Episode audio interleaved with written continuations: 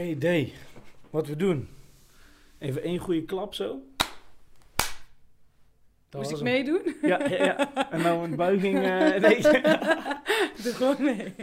What's up, Davy? Welkom. Thanks. Welkom bij de Piece by Piece podcast. Yes. Leuk dat je er bent, man. Vind ik ook. Altijd gezellig met jou. Ja. Ja, niet alleen omdat je nou sociaal contact mag hebben in coronatijd, maar... Ja, Gewoon- ja, gewoon sowieso altijd. Ja, sowieso altijd. Nee, maar dat is ook waarom Ja, ik je natuurlijk eh, uitgenodigd heb. Omdat we altijd eh, goede gesprekken hebben. Ja, En ik denk, als ik het dan ga doen, eh gerecord, waarom dan niet met jou? ja, ja, leuk. Dat was wel, wel het idee. Ja, goeie. Altijd, ik vind het altijd leuk om met je te kletsen. Dus, ja, toch. Ja, toch. Al die, nog steeds na al die jaren. Oh, al, die, al die jaren. Ja. Davy, ik eh, ken jou nou al... Nou, wat hebben we over jaren? Holy shit. Ach, ik was 17 of zo, denk ik. Eh, ik was denk ik 17. Ik was denk ik 17. was ik dus dat is 19. 10 jaar Dan geleden. was ik 19 of zo. Ja, Ja, denk ik wel. 19, 20. Ja, 10 jaar geleden. nu. Ja, ja, ja. Dat is echt al, echt al lang, hè? Ja, En ik ben danseres natuurlijk, hè? ja. Danseres ondertussen eh, vooral house. House dance. Vooral Ja. house? Of helemaal? Kan je jezelf zo zeggen als house dancer gewoon? Ja. ja, ik moet zeggen, ik ben nu sowieso een beetje om de lu- zeg maar rustig met dans. Dus eh, Ja, je hebt blessures natuurlijk, hè? ja, maar ik zou gewoon, ik vind het vooral leuk om te zeggen dat ik gewoon dans. En wat Ja. dat daar dan voor stijl aan kop, gekoppeld is, dat. eh, Boeit je ook niet zoveel. nou ja, het is wel goed om de achtergrond te weten van iedere dansstijl, vind Mhm. ik ook. Dus zodat je weet dat welke beweging je doet, waar die dan vandaan komt. Ja. Alleen voor mezelf vind ik het vooral leuk om mijn eigen dans ook. Ja. eh, Gewoon Daarin lekker te jezelf, vinden en jezelf te te, zijn. Ja. in, in het bewegen, zeg maar. Ja, zeker. En maar ja, house dance is sowieso hetgene waar ik enthousiast van word, waar ik me helemaal eh, Dat is wel de kern voel. nu eh, Ja. van, van het dansen, zeg maar. Zeker, ja. Qua muziek, maar qua feeling. En, ja. En je hebt dan wel best wel heftige blessures gehad, hè? Ja. Hernia, ja. zegt het goed? Ja, hernia. Dat ligt nou wel al een beetje achter je ondertussen. Ja, mijn hernia twee jaar geleden, tweeënhalf jaar geleden. En dat, ja, ik was altijd, ik was vooral eigenwijs. Dus eh, eerst eh, niks mee gedaan per se. Maar nu eh, gaat het heel, ik heb ook personal training. Dus ehm, ja, daar- en met, met haar werk ik vooral aan, aan ja, zeg maar mijn kracht. En dat ik weer een goede eh, ja, dat mijn lichaam in ieder geval weer aansterkt, zodat, zodat ik geen last krijg van die zenuw, dat alles gewoon goed zit. En ik heb ook met de fysiotherapeut dry needling eh, sessies gehad. Ja, Is dat goed bevallen? is heftig. Ja? In ieder geval, ik vond het heftig. Ja, want ze gaat, ja, ze gaat echt met, met de naald in, in je spier prikken, zeg maar. ja. En daar zaten nogal wat ophopingen bij mij. Dus, eh, Ik heb het ook gehad. eh, Ja? Pas, gele- ja, pas geleden. Niet, niet heel intensief. Het was Oh. echt wel op één spier. En ik denk dat we 10 minuten mee bezig zijn, 5 tot 10 minuten. Ja. Maar het was wel, ik vond het ook wel pijn. Ja, het is wel, ja, en ik heb dan iets van zeven of acht van die sessies gehad achter iedere week. Ah. Ja, echt intensief. Mm. Maar het heeft wel echt geholpen. En eh, het is iets waar- waarvan, ja, het werkt niet per se op lange termijn. Dus hierna moet je dan ook gewoon ervoor zorgen dat je goed blijft bewegen. En eh, Mm. het goed, eh, ja, dat je goed je spieren aan, aan, aansterkt. Maar ja, het heeft bij mij wel geholpen. In ieder geval, ik heb er nu een, voel wel een groot verschil van voordat ik die dry needling sessies had en nu nadat ik die Ja, heb gehad. Maar kwam En, die eh, hernia dan ook echt uit eh, misschien dingen doen die je spieren niet konden handelen? Of hoe, hoe moet ik, waar kwam die hernia vandaan? Ik denk persoonlijk dat het een mix is van verschillende dingen. Ik had toen de tijd, hadden wij, eh, waar, waar was ik bezig met een voorstelling, dus toen repeteerde ik veel.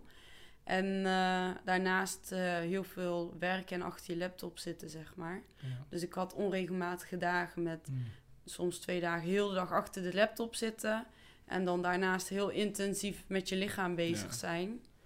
Ja, en misschien... eh, en ik dacht altijd dat, ik, dat mijn lichaam dat wel aankon. En dat Mm. kon ook altijd. Maar ik heb natuurlijk altijd een lenige rug gehad. Dus daar maakte ik ook veel gebruik ja, van. op een gegeven moment worden we iets ouder. Hè? ja, ik weet niet wat het is. Ja, Het klinkt gewoon heel herkenbaar. Ik bedoel, ik ben natuurlijk ook de laatste vijf jaar veel op kantoor geweest. En eh, Ja, die, al die ja, meniscusproblemen, tennisarmen, ja, dat heb ik nooit gehad toen ik gewoon intensief bezig was. Ja. Maar als je dan ja. een paar dagen in de week gewoon op een stoel zit. Nou, dat. Ik vind echt zitten dodelijker dan gewoon intensief bewegen. Mhm. Ik merkte gewoon, ik heb dan eerst, eh, deed ik dan de dansopleiding waarin je echt, ja, van 9 tot 9 had je les en repetities. Dus je was de dag bezig. En eh, daarna ging ik dan HBO-studie volgen. eh, dan wel gericht op sport.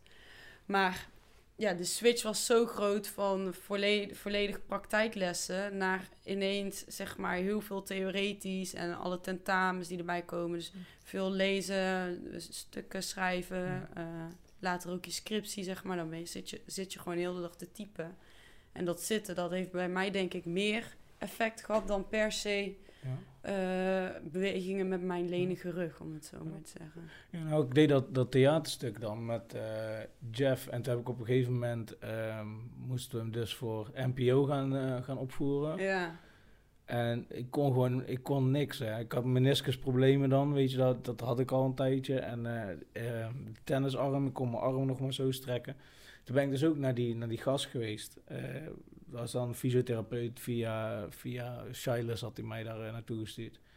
Raoul heet hij. Mhm. Echt een super guy. En die, die, ja, die, die, die, die keek naar mij en die voelde zo. En die zegt van ja, maar ik snap wel dat je pijn hebt. Weet je. Als je de laatste vijf jaar gewoon op kantoor bent. Je hebt Ja. gewoon een lichaam. Dat is, je, bent gebouwd om te dansen. ja. Na al die jaren, dat is alles, alles is gebouwd om te bewegen. Op het moment dat jij stilstaat, waarschijnlijk 10 minuten krijg je ook rugpijn. Ik zeg Ja. dat heb ik al heel lang. ja. Hij zegt ja, maar jouw lichaam is niet gemaakt om stil te staan. Nee, jouw lichaam is gemaakt om... Ja, Holy shit, ja, mind blown. ja. Nou ja, dat, was, ook- dat is ook wat ik, hoe, ik dat zelf zo heb ervaren, zeg maar. Gewoon Mm. dat grote verschil van eerst heel veel intensief trainen en eh, voorstellingen en eh, ja, heel de dag met je lichaam bezig.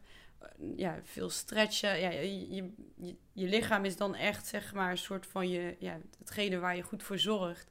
En als je dan in één keer an, op een ja, andere manier bezig bent met je Mm. studie door ja, middel van dat je je hoorcolleges hebt waar je bij gaat zitten, je documenten allemaal moet doorlezen, dan zit je, als je aan het schrijven bent, je, je zit alleen maar. Hm. En dat was ik niet gewend. Ik heb ook met die hernia heb ik alleen last als ik dus lang zit. Dus als ik bijvoorbeeld in de auto onderweg naar Amsterdam, dan krijg ik er last van. Of ehm, Zullen we daar tussendoor even een rondje lopen? ja, ik daar even staan. Ja, ik zweer het, is wel, ben ik wel het beste. Ja, maar nu, nu valt het wel mee hoor. Nu heb ik niet zoveel last. Maar dan, ja, met een paar maanden geleden bijvoorbeeld, dan, eh, dan heb, heb ik soms wel daar last van. Ja. Of als ik een hele dag gewoon aan het werk ben en zit, ja. Dan, Ik eh, denk dat nu, want we hebben het nou over dat je danseres bent hè, en eh, je danst. En, Maar mm, eigenlijk denk ik dat de meeste mensen die dit gaan zien jou meer kennen als eh, organisator. Ja. Eh, ik bedoel, je, je, veel mensen kennen jou ook als danseres natuurlijk, hè, maar mm, eh, zeker de wat jongere crowd, die zou gewoon denken dat jij organisator van NPL bent en Jam de la Femme. ja. En, en misschien weten ze dat je voor een stichting werkte. Want dat doe je niet meer nou. Nou Nee. werk je ondertussen voor de gemeente. Ehm, maar dat doe je dus ook naast, naast de dansen. Want eigenlijk was dansen je main ding. En vanuit daar ben je allemaal andere eh, leads gaan volgen, toch? Mhm, Ben je ja. jams gaan organiseren. Dat is eigenlijk gekomen vanuit... Ik dans en nou ga ik daar iets mee doen of zo, toch? Of Ja. wanneer is dat begonnen? Dat je dacht van ik ga, ik ga echt organisen en... en Ja, ja ehm, even denken. Ja, ik heb dus dan een dansopleiding gedaan. En dan was dan altijd heel erg daarop gefocust. Maar ik had toen zelf eh, tijdens die dansopleiding merkte ik. Die, die heb ik dus in een versneld traject mogen doen. Dus in drie jaar. Want toen de tijd was MBO-opleiding was nog vier jaar. Eh, mocht ik in, in drie jaar doen. En ik had zelf heel erg zoiets van ja, het- ik vind ehm zelf dansen heel leuk.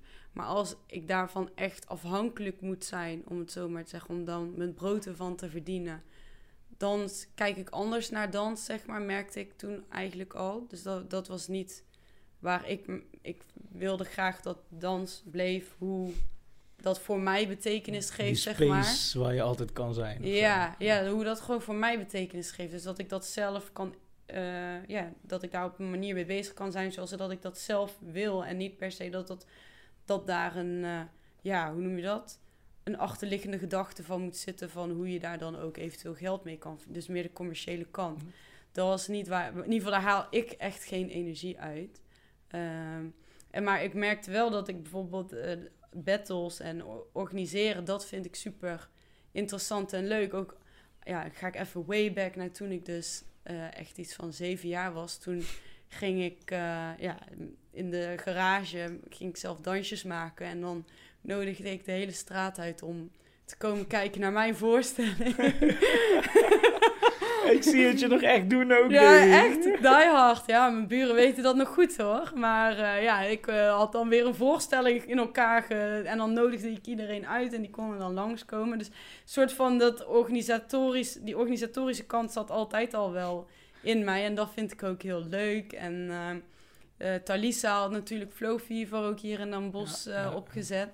Dus super inspirerend ook om dat dan te zien en daar dan ook Mhm. in mee te helpen. En ik zat in ieder geval toen op de dansplein en ik ging daar vanaf studeren. En toen wilde ik dus eh, heel graag een sporthogeschool gaan doen. Eh, sowieso omdat naast dans hou ik ook heel veel van sport. Van- ook van jongs af aan. eh, ja, ik heb eh, dan op, altijd getennist op Tennis jonge leeftijd. Ja. Ja. ja, Echt ook van mijn zesde tot mijn eh, zestiende. Want op mijn zestiende ging ik naar Maar dansopleiding. is dat dan ook daar bij, eh, was dat Empel of zo? Heb je daar dan ook echt tennis? Nee, of- op Maasport. Op Maasport? Ja, met Mm. deze Maasport. En toen de tijd hadden we nog eh, Olga Kalushnaya. Dat is een Russische, Of Wat? Wat? wat? Russische tennister. Ja, zij is... Zij, zij, Nee, nee, maar Ja. Russische tennis, dan snap Ja. ik dat ik de klank niet begreep. Maar, Ja, ja, ja, Russische tennister. Zij is vanuit Rusland op jonge leeftijd naar Nederland gekomen. Ook om te trainen hier en eigenlijk Oh, eh, ja, om door te breken binnen tennis. En zij werd toen ook trainster bij ons. Maar zij, ja, zij heeft, eh, ja, dus dat, die trainingen gingen wel op eh, Russische stijl, zeg maar. Ja, ja, zeker. En toen zat ik, eh, wow, nu ik hierover zit te vertellen, denk ik ook, wow, eigenlijk wel grappig om te zien hoe vanaf jonge leeftijd dingen eigenlijk al van mijn karakter naar voren komen, die dan op latere Ja. leeftijd nog steeds hetzelfde zijn. Maar ja, zo'n persoon heeft daar veel invloed op gehad natuurlijk. Zeker, eh, ja. Zij was echt, ja, zij zag toen echt potentie in mij in tennis dan, zeg maar. En eh, toen mocht ik dus een selectieteam overslaan. Alleen dan zou ik in een groep met alleen maar jongens terechtkomen. Dus toen was de vraag van, wil je wel tussen alleen maar jongens? Toen dacht ik, wat een rare vraag. Waarom zou ik niet tussen jongens, zeg maar, willen gaan tennissen, om het zo maar te zeggen? Waar- waarom niet? En ik vond dat juist alleen maar een uitdaging, want ja, vaak waren zij sowieso beter. Dus dan wilde ik me daar, ja, wilde, Ja. wilde ik ook daarin mee met hoe, Ja. in, in, in het niveau van hen. Dus ja, dus dat heb ik dan ja, toen de tijd altijd gedaan. Maar mijn passie ja, was wel meer bij dans, lag altijd meer bij dans. Alleen met tennis, daar kon ik ook echt mijn energie in kwijt. En Mm. ja, vond ik ook super. En ja, het is heel erg. eh, als, je, als ik kijk naar dans, daar haal ik meer zeg maar de creativiteit uit. Wat ik da- daar heel leuk in vind. En binnen tennis is meer dat competitieve. Ik ben heel competitief ingesteld. Ja. Terwijl bij dans heb ik dat totaal niet. Nee, precies. Dat- met, ja, heel raar. Met een dansbattle heb ik totaal niet dat ik per se moet of wil winnen.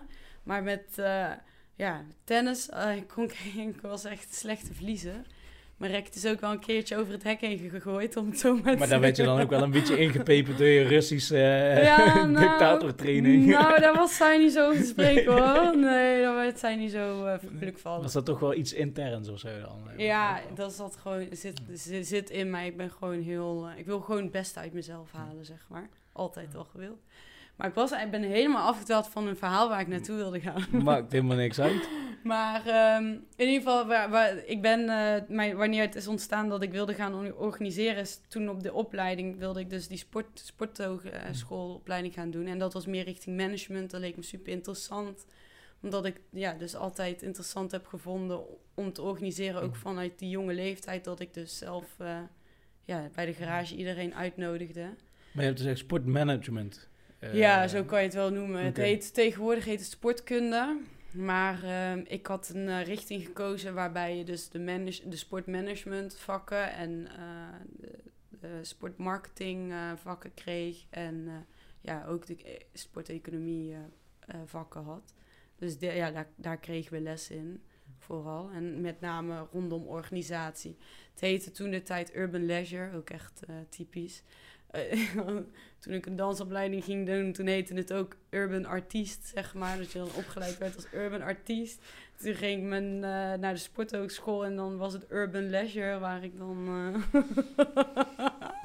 oh, jezus, wat een fucking schofte zijn het ook, hè, met een urban... Nou ja, het was... Uh, het was een goede opleiding, dat wel, toch? Ja, ik bedoel, je, bent, uh, je hebt er veel mee gedaan met, ja, met en wat toen je daar geleerd hebt. ben ik dus... Uh, wil, ik keek al, of ik was altijd...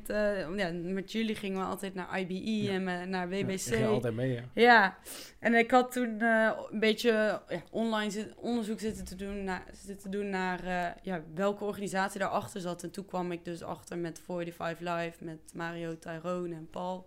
Dus die had ik gemaild dat ik heel graag stage wilde komen lopen. Toen had ik vanuit Paul dus reactie gekregen dat uh, ik bij hem stage kon lopen. Paul is een legend, by the way. Shout out naar Paul. Ja, ja, ja, ja, sowieso. Dus toen heb ik samen... En ik heb nog zelfs... Ik, dat, was, dat was wel grappig. Uh, omdat, ja, ik had dat zelf helemaal uitgezocht. En uh, normaal is het zo dat je vanuit de opleiding eigenlijk uh, bedrijven ook een soort van aangeraden krijgt waar je dan stage kan lopen. Dus er zat een vereiste aan dat dan nog een andere student daar ook stage moest lopen. Dus toen heb ik een uh, meisje uit mijn klas heb ik zover kunnen krijgen om met mij mee stage te gaan oh, lopen bij, uh, bij Paul, samen met Vee. Oh shit. Ja, en toen, ja, toen uh, is het met MBL in ieder geval begonnen, want... ehm, dat was ook tijdens je stage dan? Ja, dat was mijn stageopdracht eigenlijk om MBL, ja, zeg maar, op te richten, soort van. Maar heb jij het dan uitgedacht of was dat echt een samenwerking tussen een aantal personen? Ja, ik heb toen, ik, ik moet even zeggen dat ik me niet helemaal precies kan herinneren, maar in mijn herinnering heb ik toen zeg maar de eerste vergadering georganiseerd. Dus dat was met uh, Ton dan, Paul uh, en Drosja. Hun met z'n drieën hadden eigenlijk in het begin gesprekken over, uh, ja, zeg maar een soort van league te organiseren voor de, voor de jeugd. Uh, in Nederland, echt gericht op Nederland. En dat daar dus een rankingsysteem aan uh, verbonden zou zijn. Eigenlijk om ja, daaruit meer, ja, meer te kunnen halen. En dat de dingen gewoon veel transparanter gaan worden. Dus uh, ik heb die eerste vergadering georganiseerd. En vanuit daar ben ik alles verder gaan uitschrijven. Van nou, hoe moet dat dan eruit komen te zien? Dus ja, en ik kan je vertellen, ik vergeet nooit meer die eerste vergadering. Die heeft volgens mij twee uur of tweeënhalf uur geduurd. En uh, ik was toen de voorzitter volgens mij. En uh, ja, die vriendin van mij, Vee, die was de notulist. En ze kon gewoon niet meer bijhouden wat er allemaal gezegd werd. Dus het was echt een verstrooid... Ja, niet verstrooid. Ja, alle ideeën kwamen natuurlijk samen. Gewoon. Ja, het was echt... Uh, ik weet dat ik in ieder geval... Dat mijn hoofd zat te stomen daarna. Zo van, wow, ik kan geen informatie meer aanhoren, zeg maar. Maar ja, daaruit is dat ontstaan. Dat we toen alles verder body zijn gaan geven. En in die tijd ben je ook met Jukebox een beetje begonnen. Dat is een beetje diezelfde tijd geweest, ja, toch? Een jaar klopt. of vijf geleden, denk ik. Dat ja. is dat Jukebox de eerste meetings uh, launchte. Ja. En uh, daar waren wij allebei natuurlijk bij.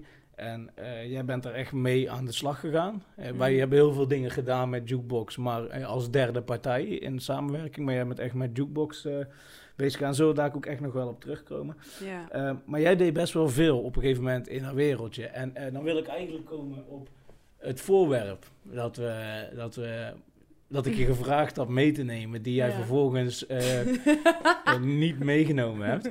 Wat, ja. wat eigenlijk helemaal niet erg is, want um, ik, ik, um, ik kwam dus met de topic omdat ik dacht, oké, okay, ik ga verschillende mensen, uh, um, uh, ga ik mee praten, ook mensen die ik niet ken, mensen die ik wel ken. En ik denk dat het een leuke, ja, leuke opening is, een beetje voor mezelf ook, om iets meer te leren weten over hoe je denkt of waar je iets, weet je wel, of een, een moment waar ik dan uh, over kan hebben. En um, ja, nou ja, ik bedacht dat en eigenlijk meteen dezelfde minuut dacht ik, wacht, maar ik heb iets dat ik mee moet nemen naar Davy. Mm. Want ik heb wel echt een herinnering aan, aan jou, omdat ik, ik ben gewoon eigenlijk altijd een b-boy geweest. Dat ben ik nog steeds. En um, op een gegeven moment ging ik, uh, ging ik met een netwerk marketing bedrijfje bezig. Was ik daarmee uh, wat meer aan het praten voor groepen en zo. Toen zei ik op een gegeven moment tegen jou, Davy, um, ik zou eigenlijk wel een, uh, een keer een jam willen hosten. Ah ja. En, uh, toen zag ik dus deze staan. Die zag ik staan en daarom dacht ik daaraan. Omdat deze award, dit is de allereerste jam die ik ooit gehost heb. Ja. Dat is mijn allereerste jam ooit. En dat is puur omdat ik jou belde en zei gewoon letterlijk, volgens mij belde ik jou of ik sprak jou ergens buiten en ik zei gewoon, ja, ik zou echt een keer een battle willen hosten. Jij was met NBL bezig en alles. Ja. Het was zo van, oh ja, ja, cool, cool. En toen werd ik volgens mij een week later of zo, of een paar dagen later, gebeld door Ray. Ja. Dik shout-out naar Ray trouwens voor die, eh, voor die opportunity van, eh, van Fresh. Om dus die jam te hosten. En vervolgens heeft mijn crew dus eh, die, die award ook eh, gewonnen. Ja, Eh, klopt. Dus dat is wel een super mooie memory. Ja. Want dat was wel echt een dingetje dat ik gewoon eigenlijk... Ja, ik vond het ook wel spannend, weet je. Ik bedoel, Mm, ik vond het de eerste keer sowieso spannend. En ik heb het, vind het nu nog steeds af en toe wel heel spannend. Ik bedoel, daar hoort er denk ik een beetje bij. Ja. Ehm, Anders presteer je ook niet, denk ik. ja, maar ik vind dat wel cool. Want, want je, Ja. je wist eigenlijk helemaal niet of ik dat wel zou kunnen. En, en Ray wist dat ook niet. En ik vind het wel vet dat jullie dan die, die opportunity, zeg maar, toch op een of andere manier gefixt hebben. Ja. Ja, eh, ook hoe zoiets dan loopt, geen idee. Ik kan me in ieder geval herinneren dat Ray mij belde. En zei van, ja, ik zoek nog een host voor de charity battle. En sowieso, ja, ik denk altijd, Arjuna heeft genoeg om te vertellen. en je hebt een goede stem, zeg maar. Die stem die hoor je overal. Ik bedoel, eh, je kan altijd horen waar Jay is. Dus, dus ik dacht sowieso 1 plus 1 is 2. Dus ik toen zei ik tegen Ray, misschien moet je Jay eens een keer vragen. Misschien dat hij dat wel eens wil, eh, wil doen. Ja, ik vind dat echt heel cool. Ja. Maar ik, ik, ik, eh, ik kan het nog steeds niet helemaal beseffen, want ik heb Wel het ook, ik, dat ik het tegen je gezegd heb en dat er dan ja, klopt. die universe op een of andere manier dan Ja. Laat bellen, die zegt, hey, heb je nou host? En dan denk ik, nou, Juna wil dat misschien wel doen. Ja, ik heb dat ook eh, ja, va- vaker eh, met dingen. Dat ik, of soms dan spreek ik met iemand en dan denk ik, oh, die persoon, die, die zie ik echt ervoor om dit te gaan doen.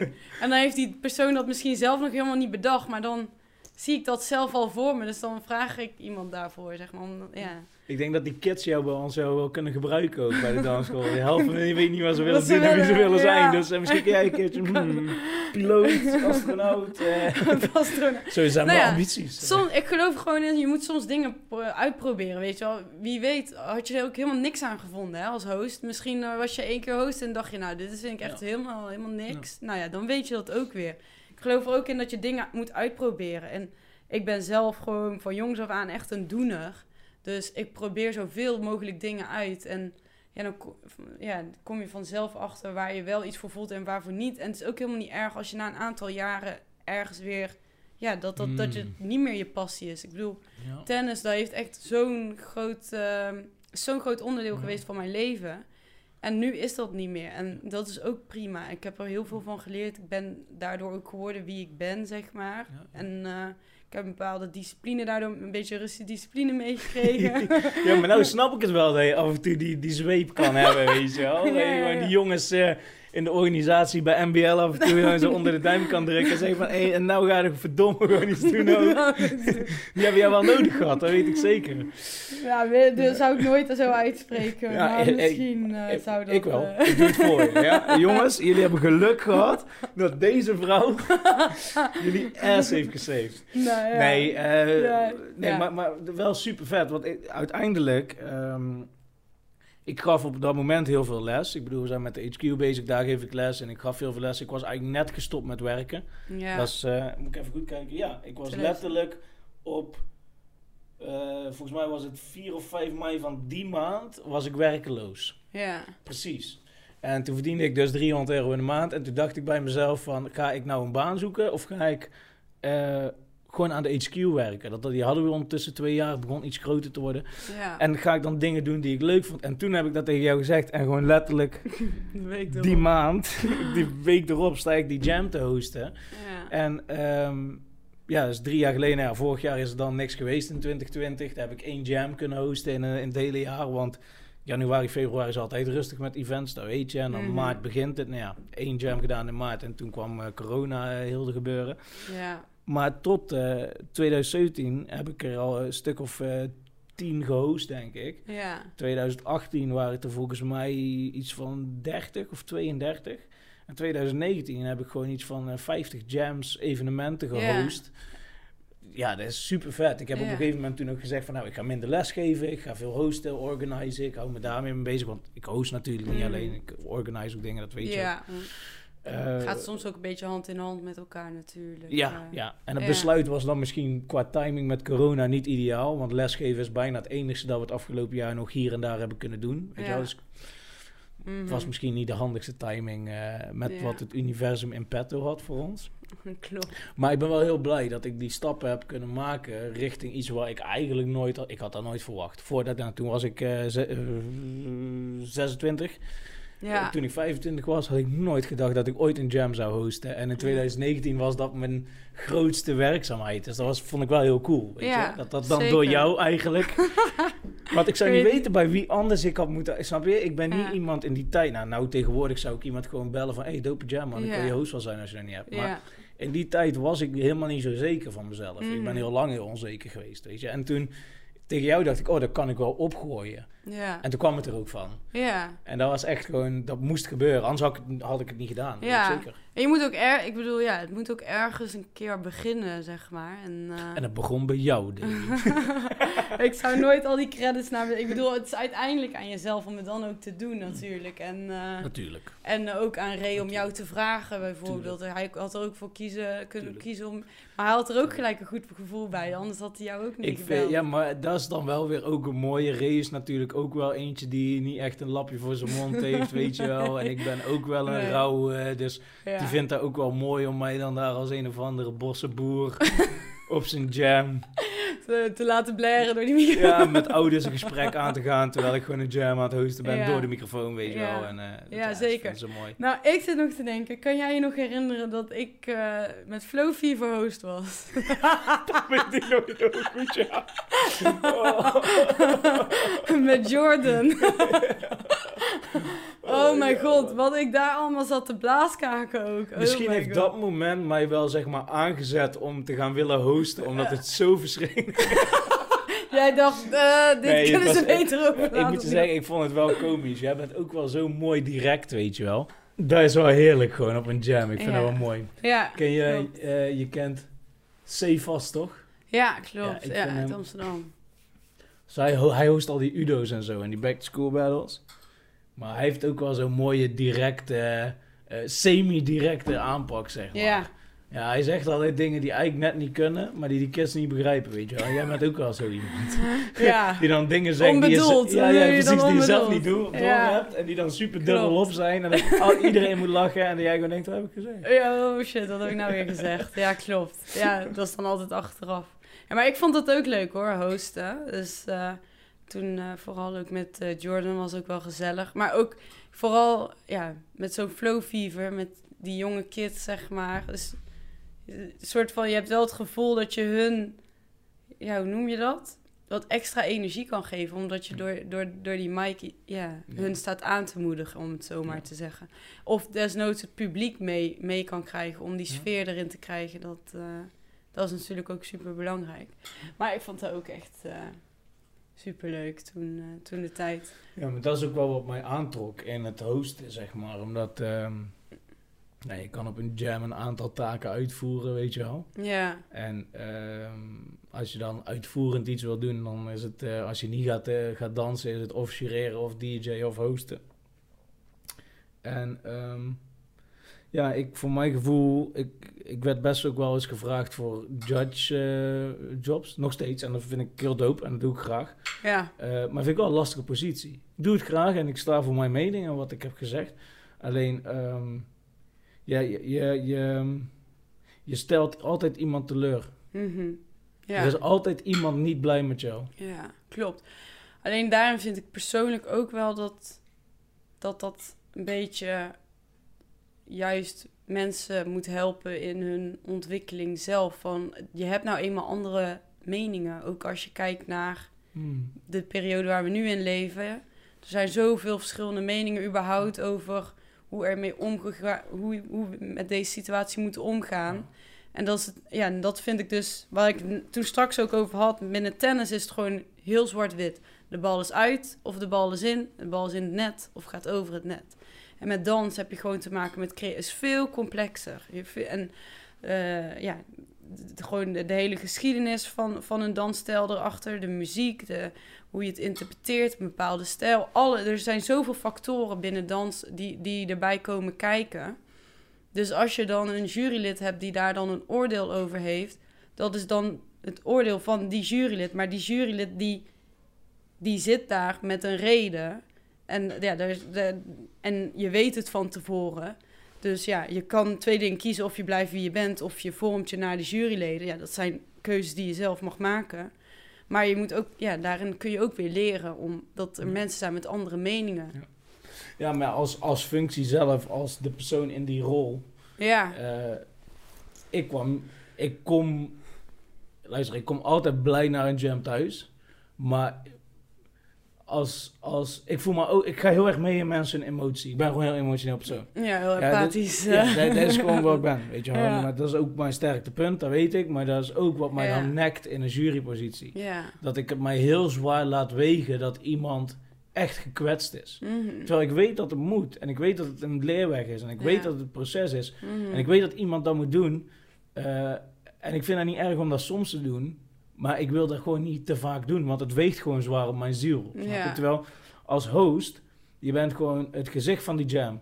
Dus het enige wat, wat, wat ik in mijn hoofd heb als ik host ben, is één, ik kan de jam beter maken voor de organisator. En Mhm. zorgen dat het voor hun makkelijker wordt. Dat ik mijn dingen goed doe en het aanspreekbaar ben. En twee, ja, je bent het gezicht op die jam.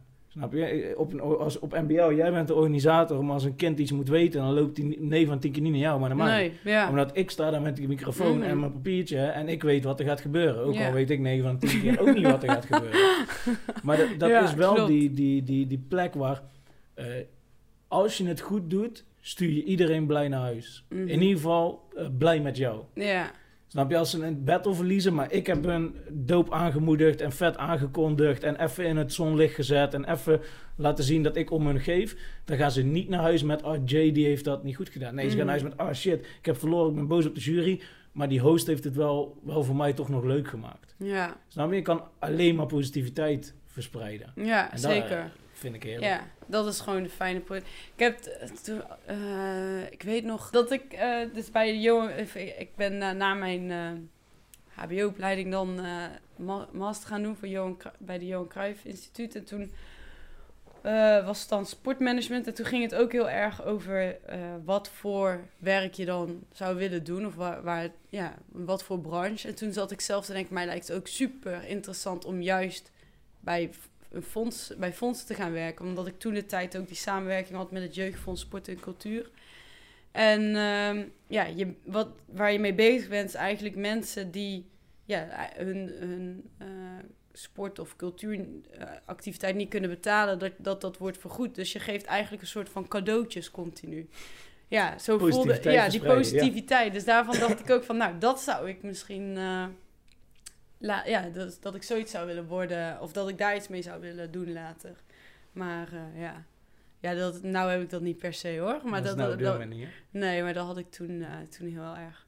Maar ja, wat ik zelf wel grappig vind ook, eh, is ehm, als ik dan kijk, terugkijk naar, hoe, naar mijn levensloop, zeg maar.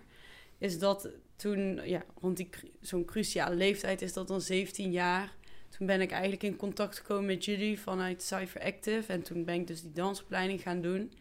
En ik kwam, ja, ik kwam ja, daardoor heel erg terecht in twee verschillende werelden van een dansopleiding. Van mensen die het volgens het boekje doen, een beetje, zeg maar. Die gaan een opleiding volgen en dan daarna gaan ze als dansartiest aan de slag. En jullie die eigenlijk gewoon, ja, zelf trainden in een gymzaal. In, Be- waar was het? Bokstol. eh, ja. Gingen jullie zelf de gymzaal in, zelf Hip-hop. trainen. Meedoen met Hollands Talent. Hé, daar mag je nooit over praten. Davy? Ik heb je- het gezegd. Nee, je mag dit nooit zeggen. Jongens, we hebben nooit meegedaan met Hollands Got Talent. Google die shit vooral niet. Vooral niet. Vooral niet. Ik, ik moest hem Fuck erin gooien. Oh, nou zijn we genaaid, jongen. Daar gaat onze reputatie, jongen. Zo heb ik mijn best gedaan. Nee, ja, het is wel prachtig. En wel prachtig. Als ik kijk naar die video's van die trainingen, zijn wel prachtige tijden. Bro, ik zeg je die training was fucking hard. Uiteindelijk, die show was echt één grote poepzooi. Daarin, daarin maar, maar, kwam de, maar de, de, de brainstorm sessies waren daarentegen echt Geweldig. fantastisch. Luister, daarin kwamen we er gewoon achter dat wij onze naam gewoon echt perfect hadden uitgekozen. Cy- Cypher Active. Wij, routines zijn, routines, eh, whatever. It's not, choreo's, fuck off.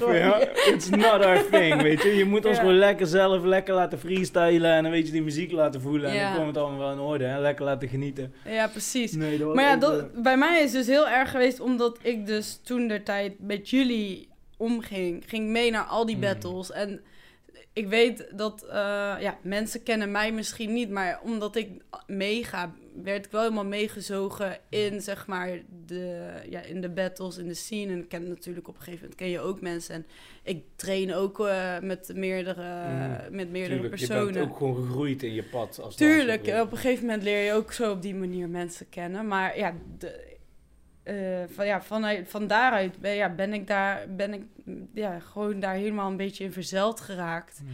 En ik heb, ehm, ja, want we, ja, we hadden het net ook over eh jukebox bijvoorbeeld. Dat is allemaal een beetje in diezelfde tijd eh, op mijn pad gekomen. Want ja, met mijn stage kwam dan MBL. Iets daarvoor is Bart toen gekomen met van die Ja. kerngroep bijeenkomsten van verschillende mensen die in Den Bosch actief zijn met eh, ja, verschillende dingen eh, zoals skate of, eh, of graffiti of wat dan ook. Dat we samenkwamen en toen, het gebeurde volgens mij op het moment dat ik dus met mijn studie klaar was van de sporthogeschool. Toen had ik, ja, met die master had ik maar twee dagen, hoefde ik, naar Amst- hoefde ik maar naar Amsterdam voor de opleiding. En verder was het vooral thuisstudie.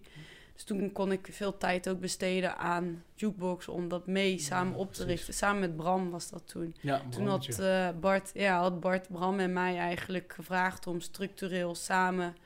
Ja, op de, op de donderdag of zo zouden, zaten we dan samen bij Solos. En vanuit daar ja, ga je dan aan iets bouwen en dan, dan wordt dat ook iets, zeg Ja. maar. Dus, eh, Ja, en het is uiteindelijk natuurlijk heel iets geworden. Ik bedoel, Bart is op het moment eh, verder gemoved. Hè? Die Ja. is volgens mij nou in Tilburg in een functie begonnen. Ja. Super doop voor hem. ja, En ehm, er zijn ook maar een aantal werknemers. Ja, jij bent ook doorgemoved richting eigen gemeente Den Bosch. dus hè, de gemeente slokt alles op. Nee, eh, nee, dat is onzin natuurlijk. En Nee. ehm, Lisa is nou eh, basically eh, daar eh, in de leiding nog. Volgens mij zijn ze op zoek naar echt gewoon wie dan dadelijk echt zakelijk gaat leiden en zo. oh ja, ja. Ehm, Ja. Maar dat is wel echt vet dat, je, dat jullie iets hebben kunnen maken en dat dat er nu is. En jullie zijn doorgemoved naar een nieuwe functie of naar iets nieuws of naar een nieuwe uitdaging. Mhm. Alleen het is er nog. En het heeft gewoon volgens mij nu ook een structurele subsidie gekregen, Jukebox, Klopt. om de komende jaren mee te werken. Dus Ja, eigenlijk super vet dat je dat dan hebt gedaan. Samen met eh, meerdere mensen. Bram ook natuurlijk. Ook onze medepartner binnen, binnen HQ nog steeds. Mhm, Ja, zeker. Nee, ja, zeker. Ja, ik, ik geloof ook wel een beetje soms dat eh, als je ergens mee bezig bent, dan kom je op een gegeven moment tegen een bepaalde, ja, tegen, loop je tegen een bepaalde, ja, dingen loop je dan op. En soms is het dan beter als andere mensen daar, daar dan weer met een nieuwe frisse blik het Ja. verder op pakken. Of weer helemaal nieuw erin stappen. Ik geloof daar wel in dat je dan weer verder, alles weer verder kan Ja. oppakken. En eh, kijk, bij mij is het gewoon geweest. Daarom, zeg maar, ik, weet je, deze coronatijden zijn natuurlijk eh, ja, een beetje een rare situatie. Maar ik geloof er ook wel in dat het wel je ook weer heel erg helpt om, eh, ja, om op een andere manier weer naar, naar het leven te kijken. Ik heb natuurlijk altijd, ben ik maar gegaan en gegaan en gegaan. En ik heb wel momenten proberen stil te staan van, ja, waar ben ik nu eigenlijk mee bezig? Maar nu, ja, omdat je een soort van bijna...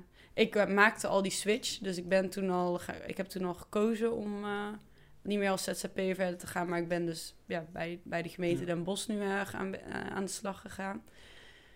Ook met de reden om gewoon ja, de rust te vinden om duidelijk te zoeken naar waar wil ik, waar wil ik echt mee bezig zijn. Zeg maar. Nu ben ik gewoon voor één ding bezig, voor de gemeente Den Bosch. Su vind ik super interessant. Eh, even weer, zeg maar, een, andere groep waar ik, waar ik weer mee bezig ben. Of mijn netwerk in, eh, in ontwikkel. En ja, dan kan, nu kan ik ook beter terug bekijken van waar ben ik nou allemaal mee bezig geweest eigenlijk al die tijd. Ja, en ook waar wil ik heen, denk ik natuurlijk. Ja, Dat uiteindelijk, als je daar je, je, je puzzelstukjes een beetje op zijn plek hebt. Zeg. Ja, ja, al vind ik dat soms nog een lastigere vraag hoor. Van waar, waar wil ik. Want ik denk ook wel dat met de jaren ja, verander je daar ook in van wat je nou eigenlijk wilt. Maar eh, ja, ik bedoel, als ik denk aan alles wat. Ik heb- ben super blij dat ik soort van de vrijheid heb kunnen hebben om ja, te- bezig te zijn met al die organisaties. Want het is nou niet per se dat je daar echt. Dat, in ieder geval, ik had niet per se dat ik dat je daar echt. eh, ja, zeg maar, normaal salaris uithaalt of zo, om het zo maar te zeggen. Niet, het is, ja, je kan bijna beter voor Picnic of zo gaan werken of bij PostNL. Ja, wil, als je gewoon normaal wil verdienen, dan, dan eh, al die verschillende, ja, verschillende opdrachten. Alleen aan de andere kant ja, heb je wel super veel toffe ervaringen en mooie dingen mogen opzetten. Dus dat Ja. is dan wel weer eh, het Ja, voordeel. dat is natuurlijk ook wel, je, je hebt de hele tijd, eh, je bent zeg maar ondernemer. Nu wat minder dan in ieder geval, maar je was, je was een nu niet kunnen weten Ja, zeggen. niet, maar, eh, ehm, je hebt zeg maar, ehm, jij hebt zeg maar de hele tijd dingen georganiseerd en ondernomen binnen een cultureel-maatschappelijke sector.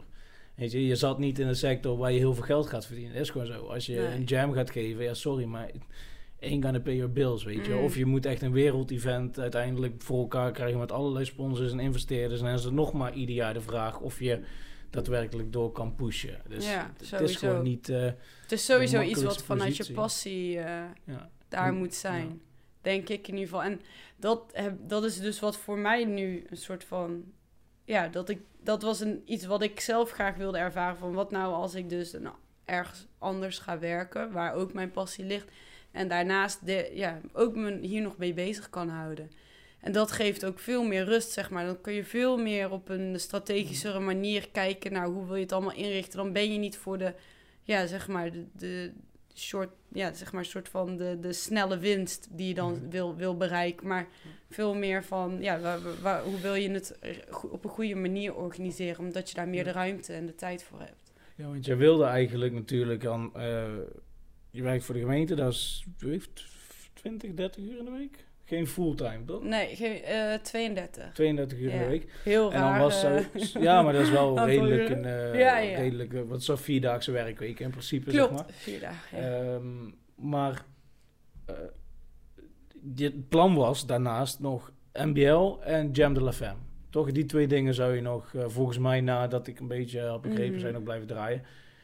Ja, en toen kwam eh, corona. En die is er nou nog steeds. We zijn al dus een jaar verder. Eh, dus dat ligt allemaal een beetje stil. Maar, Ja. eh, Dus je bent eigenlijk organiserend en zoals je eigenlijk net al zei, ondernemend vrijwel niet bezig. Het is Nee. echt werk. Nee, ja, en ik moet zeggen, ik v- vind het zelf ook wel fijn om mezelf te leren kennen, ook zonder Mm. continu eh, bezig te zijn met organisatie. Leer je jezelf ook op een andere manier kennen, zeg maar.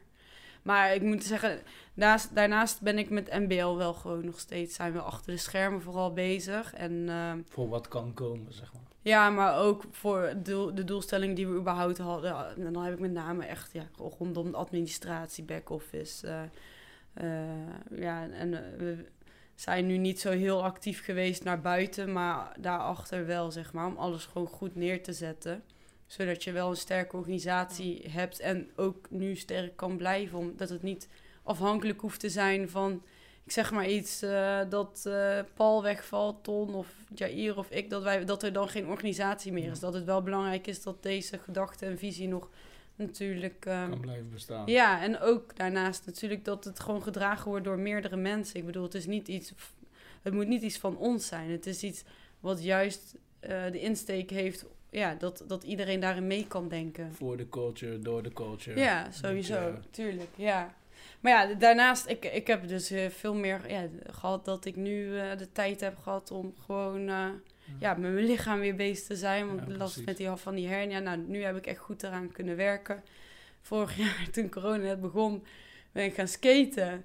En toen skate ik heel hard naar beneden van een brug. En toen was daar ineens... eh, was daar eh, zo'n reling voor, eh, voor wild, wilde dieren. De, waar ik overheen vloog Davies, bijna, ja. ja. Dus toen heb ik mijn schouder uit de kom gehaald, zeg maar. Oh, ja. jezus. Dus dat was ook even pijnlijk. Maar ja, dan, ja ik heb dus een nieuwe... nee, Ik ben, heb een switch gemaakt, ben bij de gemeente gaan werken. Heel vreemd om te ervaren in deze tijden, moet ik wel zeggen. Echt even anders. Eh, je zit niet op kantoor, je, je leert je collega's digitaal kennen Mm. bijna, zeg maar. Ja. En eh, ja, ja, eh, ik wil meerdere initiatieven opzetten, maar dat is dus, je praat meer voor over de toekomst. Wat als? Je zult plannen, plannen, plannen. En dan, je weet eigenlijk nog niet eens wanneer. Ja, wanneer je daarmee kan gaan starten, om Oeh. het zo maar te zeggen. Maar ja, aan de andere kant ook weer niet heel erg, want ik moet natuurlijk vooral ook eerst kennis maken. En ik Mm. ben heel erg met vooronderzoek bezig, dus dat is ook wel chill. Maar eh, ja, de, ja, het is van, van ja, dit is wel even anders, zeg Het maar. is niet per se leuk eh, voor Nee. je. Ik denk ook de sociale afstand. Ik ben, ik ben best wel een sociaal persoon. eh, ja, Daarom zeker. willen we ook goed samen, denk Ja, ik. Omdat we allebei daar wel gewoon van zijn, weet je, met mensen. Dus dat zal wel zwaar zijn. Maar Ja, aan de andere kant heb je wel juist ruimte om je huisje in te richten. Ja. En, eh, ja, ik ben helemaal de do-it-yourself Ja, maar het is wel vet. Ik bedoel, je woonde eerst in een dorp, zeg maar. Ja. En eerst in de stad dan hier. Ja, Eh, en nu woon je gewoon bij mij om de hoek. En bij eh, Lisa om de hoek. En bij Maries om de hoek. En in één keer met heel de crew daar. iedereen woont daar. Ik denk dat ik ook maar een nieuw huis moet gaan zoeken. eh, nog iets meer. Kom er gezellig bij, ja joh. nee, ja, zeker. Maar even, emotioneel gezien qua afzondering en qua mensen missen en de kids. Want jij zal ook heel veel van die kids gewoon missen. Ik bedoel, ik merk dat bij mezelf met tien, tien keer op een, in een jaar op MBL eh, met die kids staan lullen en, en supporten. Moet je Mm. Ja. ook missen, toch? Ik Ja, bedoel, sowieso. En ik zat... Ja, ik kijk tegenwoordig dus eerlijk gezegd echt vrij weinig dansvideo's nog of eh eventvideo's, omdat ja, ik eh, soms ook even andere prikkels wil hebben, zeg maar. Op een gegeven moment zit je in een bepaalde routine, dan zie je ook niks meer. Maar ik zat van- de week of vorige week te bekijken, toen dacht ik, oh, dit is toch wel echt een soort van heimwee. Mm. Zo van, deze evenementen, die, die zijn er nu gewoon niet. En geeft je er wel een warm gevoel en een soort van thuisplek ergens of zo, vind ik zelf. Ja. Iets leuks waar je mee bezig bent of zo. En eh, super interessant. Maar ja, dat is er nu niet. En kijk, eh, ook als ik het heb over MBL, het organiseren van toch, toch organiseren van een evenement, maar dan rekening houden met, ja, weet je, Ja. de, de kern van ons is gewoon dat dat, dat sociale aspect erbij zit. Je wil elkaar kunnen aanmoedigen. Eh, ja, het, het moet juist een veilig of een vrije, fijne omgeving zijn. En dan eh, ineens kom je daar met al je regels. Ja, Ja, dat is niet waar we, waar, waar, waar, waar we het voor doen, om het zo maar te zeggen. Nee, Dus precies. dan beter gewoon... eh, of ja, niks is beter. Maar de keuze is nu gemaakt dat, dat we dan op andere manieren daar iets in kunnen gaan pro- proberen te betekenen. Ja. Ja, maar ja, het komt allemaal wel weer Maar goed. persoonlijk zit je wel gewoon... hoe voel je je gewoon... Ja, ja, tuurlijk, ik heb ook wel eh, mijn eh, momenten. Ik bedoel, eh, niemand vindt dit leuk. ja, je- ja ik, ik, met werk natuurlijk veel alleen aan het werk. En dan lukt het allemaal ook niet echt. En ehm, ja, ik, mijn dansen, ja, ik haalde altijd, ook altijd mijn plezier uit zelf dansen. Dat doe ik nu ook niet. Ik weet niet, je, bent, je wordt zo passief. Terwijl aan, maar aan de andere kant heb ik dus heel erg dat er, eh, ja, bepaalde vrienden juist heel veel zie. En met hun Ja. dus weer een diepere band hebt de ruimte voor iets anders. Ja, en ook met mijn ouders bijvoorbeeld. Ja. je hebt nu wel heel veel tijd die je daar met hun kan besteden. En mijn broertje. Dus ja, het is toch wel weer een soort van eh, ja, kostbare tijd die, die je voorheen nooit aan hun Ja. eigenlijk aandacht Eh, gaf. dat herken ik wel hoor, want ik, ja, ik zie mijn moeder nou dus gewoon echt heel veel. Ja. Ik bedoel, eh, jij weet ook dat ik gewoon thuis woon, weet je. Ik Ja. moest wel met ondernemen en starten en alles. Eh, en niet dat ik iets tegen heb, want mijn moeder is geweldig. I know. Maar ik zag haar nooit natuurlijk. Ik was Ja. altijd op de zaak en ik kwam gewoon om ergens 12 uur s'nachts thuis en ging naar bed. En dan was ik om eh 9 uur stond ik gewoon weer op de zaak. Weet je? Dus gewoon elke dag. En nu eet ik gewoon avondeten met haar, weet je. En dan kan ik een keer samen koken en we kunnen een keer rummy cuppen. En in het weekend kan ik gewoon elk weekend met mijn vriendin zijn. Mhm. Terwijl ik, eh, ik had in, nou ja, vanaf 2017, eh 20 mei, had ik bijna geen weekend meer vrij, weet je wel. Ik was op elke jam, was ik wel iets aan het doen. ja. Dus ik merkte ook wel, het is wel fijn om daar dan in ieder geval weer wel meer in te kunnen stoppen, zeg Ja, maar. klopt. Haal je ook echt superveel uit. Maar ja, weet je, hoe het went of keert. Het is sowieso een lastige tijd waar we in leven. Eh, ja, eh, ja, ik weet niet. Het eh, ik, ik, ik, ik, ik denk pas dat we hier echt over kunnen hebben over een paar jaar. Wanneer alles veel duidelijker wordt van, nou, wat is er nou precies Ja. gebeurd. De, de- over, over de details en what's up en wat is Ja, real en wat is niet real. Kunnen en, we nu weinig ja, over zeggen. Mijn hoofd doet al pijn als ik daarover nadenk. Ja. Over. Ik denk, het enige dat ik kan denken nu is, wie de fuck ben ik om te weten wat de fuck er wel aan de hand is. Weet Ja, je? precies, bedoel, dat. Als eh, de, Ja. de slimste dokters en eh, mensen, weet ik veel, met elkaar in discussie zijn over wat er aan de hand is. Dan ga ik, eh Arjuna de danser uit eh, Den Bosch, die gaat dan eh, met mijn wereldkennis, Mhm. die gaat dan zeggen van, oh zo zit het. Ja, ja, ja. Ik weet het. Ja, nee, ja. dat is- Dat denk ik ook. En het is prima om al van alles op de hoogte te blijven natuurlijk. dat is mooi, we gaan er ook helemaal niet te lang over in. En dan laten we dan gewoon in plaats van daarover hebben, over het nu en hoe het met corona is, gewoon helemaal way back gaan. gewoon way, way back naar de kleine Davy. Kleine Kle- klei- kleine Davy. Ja. Gewoon, gewoon zeg, eh, eh, basisschooltijd. Ja, Ja, hoe, hoe, hoe heb jij de basisschool ervaren? Gewoon in het algemeen. ja. Zo, is echt way back. Nou ja, ik kom dus echt van Maasport, hier in Den Bosch. Den Bosch, ja, is Noord.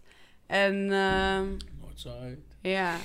Ja, ik heb echt ja, een leuke, leuke... Ik moet zeggen, ik heb over het algemeen een hele leuke jeugd gehad. En eh, ehm, ja, ik ben altijd heel, wel heel aanwezig, zeg maar. Echt. Ja, Meen aanwezig meisje.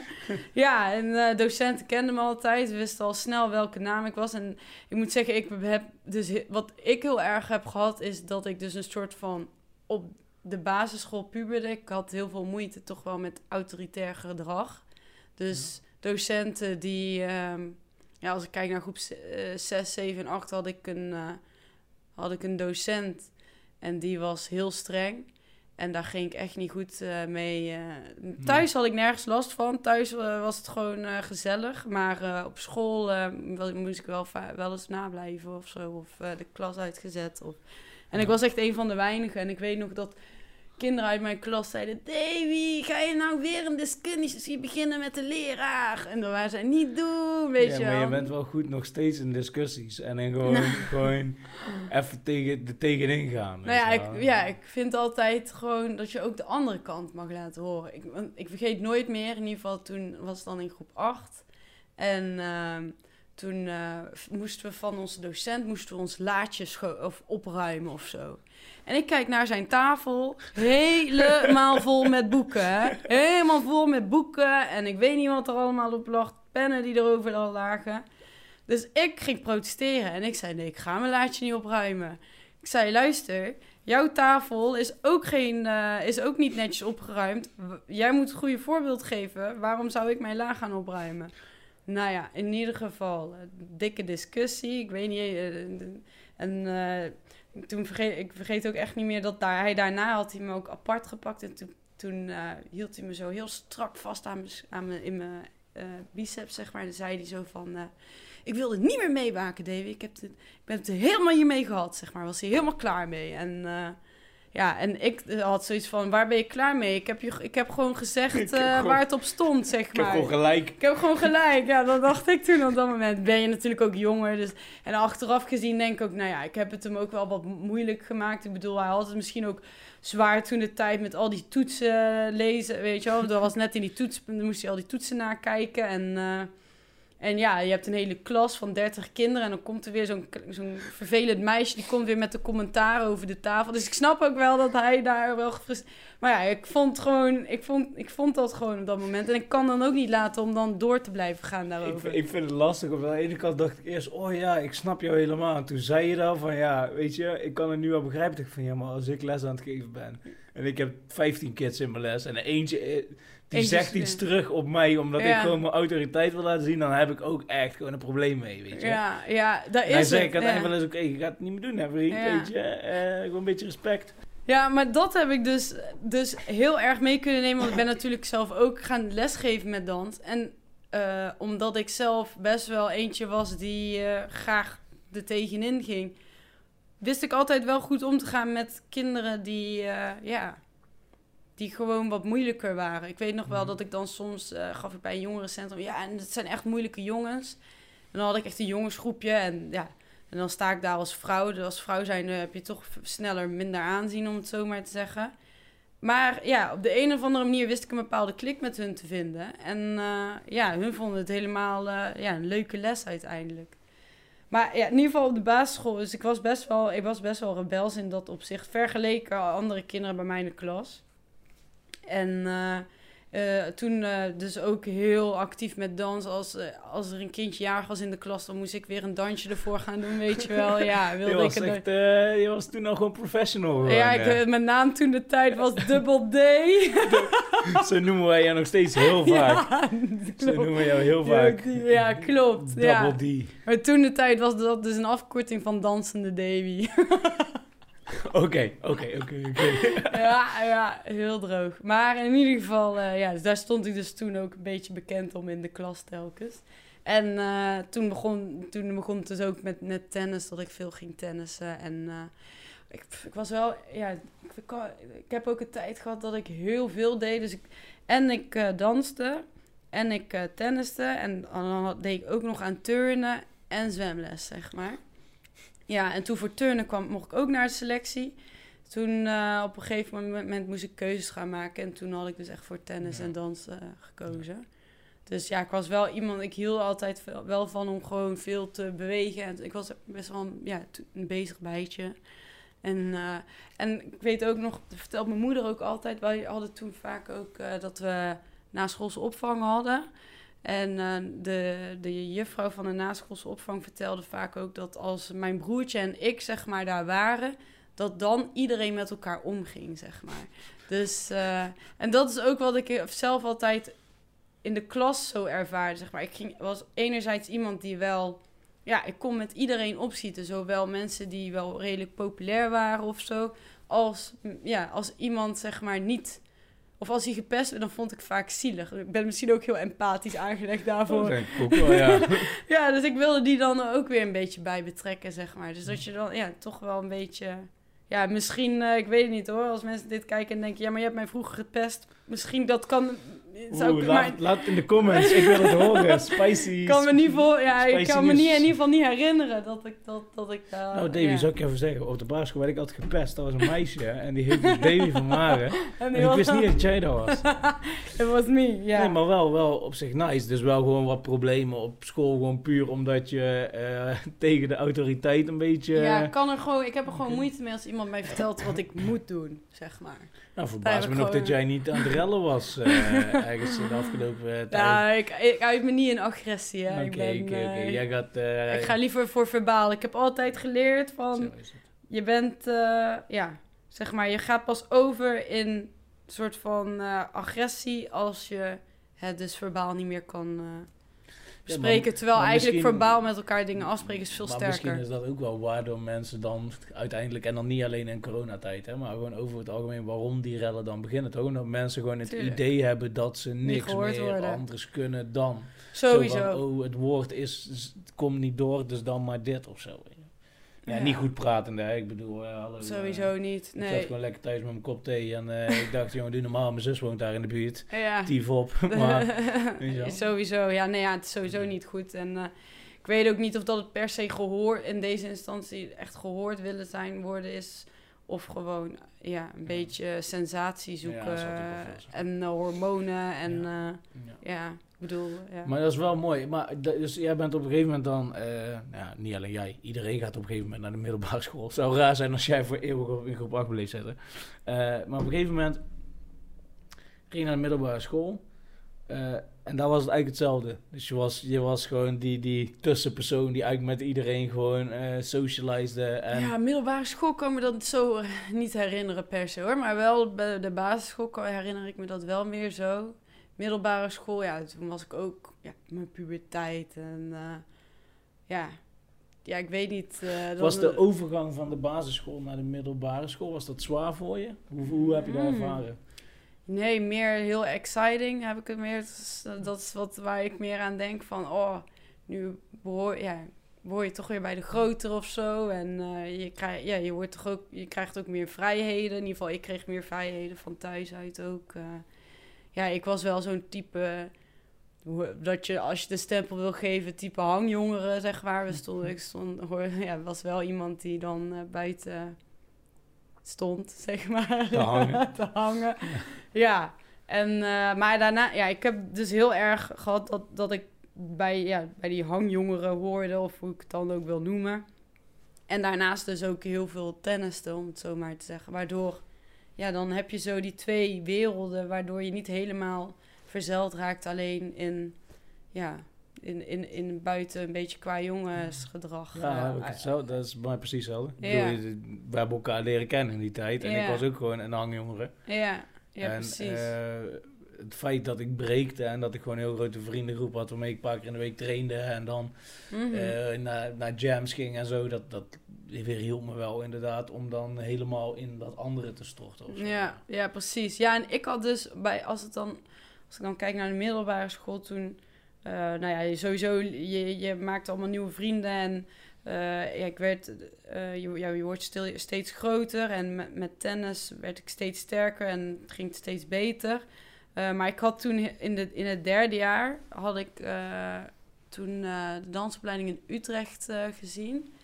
En eh, toen dacht ik, ja, daar wil ik naartoe, zeg Maar op dit punt was je een jaar of 16, 17, 16? Nee, denk- 15, 16? 14, 15 14, zelfs. 15. En Ja. je deed op dit moment street dansen, toch? Of Ja, eh, ja. choreo Ik weet niet eens hoe het toen de tijd heet. Street dance. Street dance. We noemen het street dance. Street dance, ja klopt. Street dance bij Margot Bierens. Maar dat is gewoon Ja, ja, wel echt. Ik moet wel zeggen. Ik heb dus vanaf jonge leeftijd altijd bij Margot Bierens gedanst. En eh, ik ben, mocht daar ook al gaan lesgeven. Toen ik 14 was, ben ik daar ook gaan, begonnen met lesgeven. Tof. Danslessen. Dus echt al op jonge leeftijd. En ehm, ja, daar heb ik super veel van geleerd. En ook eh, sowieso veel kansen gekregen daar. eh. en dat, dat, ja, dat, da- daardoor heb ik ook zo'n passie gekregen om uiteindelijk een dansopleiding te gaan doen. En VJ dus, die, die kwam toen lesgeven bij ons.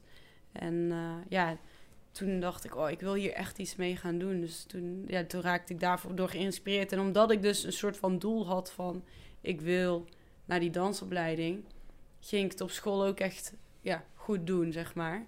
Ik weet nog dat ik toen de tijd had ik een vierkant rooster. Ik weet niet of dat je weet wat dat is. Nee. Ja, dat is echt zeg maar dat je je dus als eerste moet melden in de ochtend. En als de lessen voorbij zijn, mag je nog niet naar huis. Dan moet je zeg maar nog nablijven tot eh vier Oh, uur of zo. En waarom dan? Wat was dan daar? Ja, mijn logboekje stond vol of zo. Ik had eh, te veel eh, aantekeningen van dat. Lekker. Ja, ja, weet je, hoort er een beetje bij die, bij die leeftijd, denk ik Mhm. soms. En ja, in ieder geval, de, de, en toen ben ik dus heel veel ook gaan leren voor die tentamens en die toetsen, zodat ik zeg maar direct ook alles af kon maken, omdat ik een doel Mhm. had van ik wilde naar die dansopleiding. ja, ja. Dus ik wist al snel van, oh, ik wil daar naartoe. Want ik zat dus in de tweede of derde toen ik al daarmee bezig was. Terwijl anderen in het laatste jaar nog niet eens wisten wa- waar, waar ze naartoe wilden. Na, na de middelbare school bijvoorbeeld. En ik had in mijn hoofd, had ik het plan al helemaal Maar ik vind klaar. het mooi wat je zegt. Want ik, ik, ik hoor dit van, eh, van veel mensen die dan zeggen van... eh, ja, ja, ik had dat wel of ik had dat, dat niet in mijn hoofd. Ja. wel. Maar uiteindelijk... Het is heel goed dat je die keuze hebt gemaakt. Jij wist wat je wilde. Maar je, je doet nu niks met je dansopleiding. Mhm. Het is de stepping stone geweest om je te ontwikkelen waar Ja. je nu bent, zeg maar. Ja, Maar eh, het heeft niet afgehangen van die keus. mhm. Snap je? Ik bedoel, ja, waar je nu bent, heeft niet afgehangen van... oh, ga ik een dansopleiding doen... of ga ik nou een eh, marketingstudie doen... of ga ik nou... Misschien heb je wel een iets ander pad bewandeld, zeg maar. Mhm.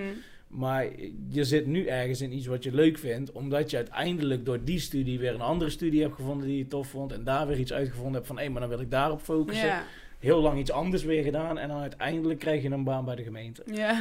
Toch? Maar dat vind ik wel een mooi, mooi ding. Want Ja. ik, ik zelf ook, weet je, dat ik echt gewoon nooit wist wat ik... Ik wist juist niet wat ik wilde. Ja, En ik dacht altijd van, oeh, shit, en ik moet keuzes maken en ik moet kiezen. En op een gegeven moment ging ik maar werken. Ik denk, nou, dan heb ik tenminste een keuze gemaakt. weet je ja, Safe, ja, I'm ja, ja, safe. safe. De sportopleiding heeft niet gewerkt. Weet middelbaar werkte Ja. niet, daar ben ik afgeschoten.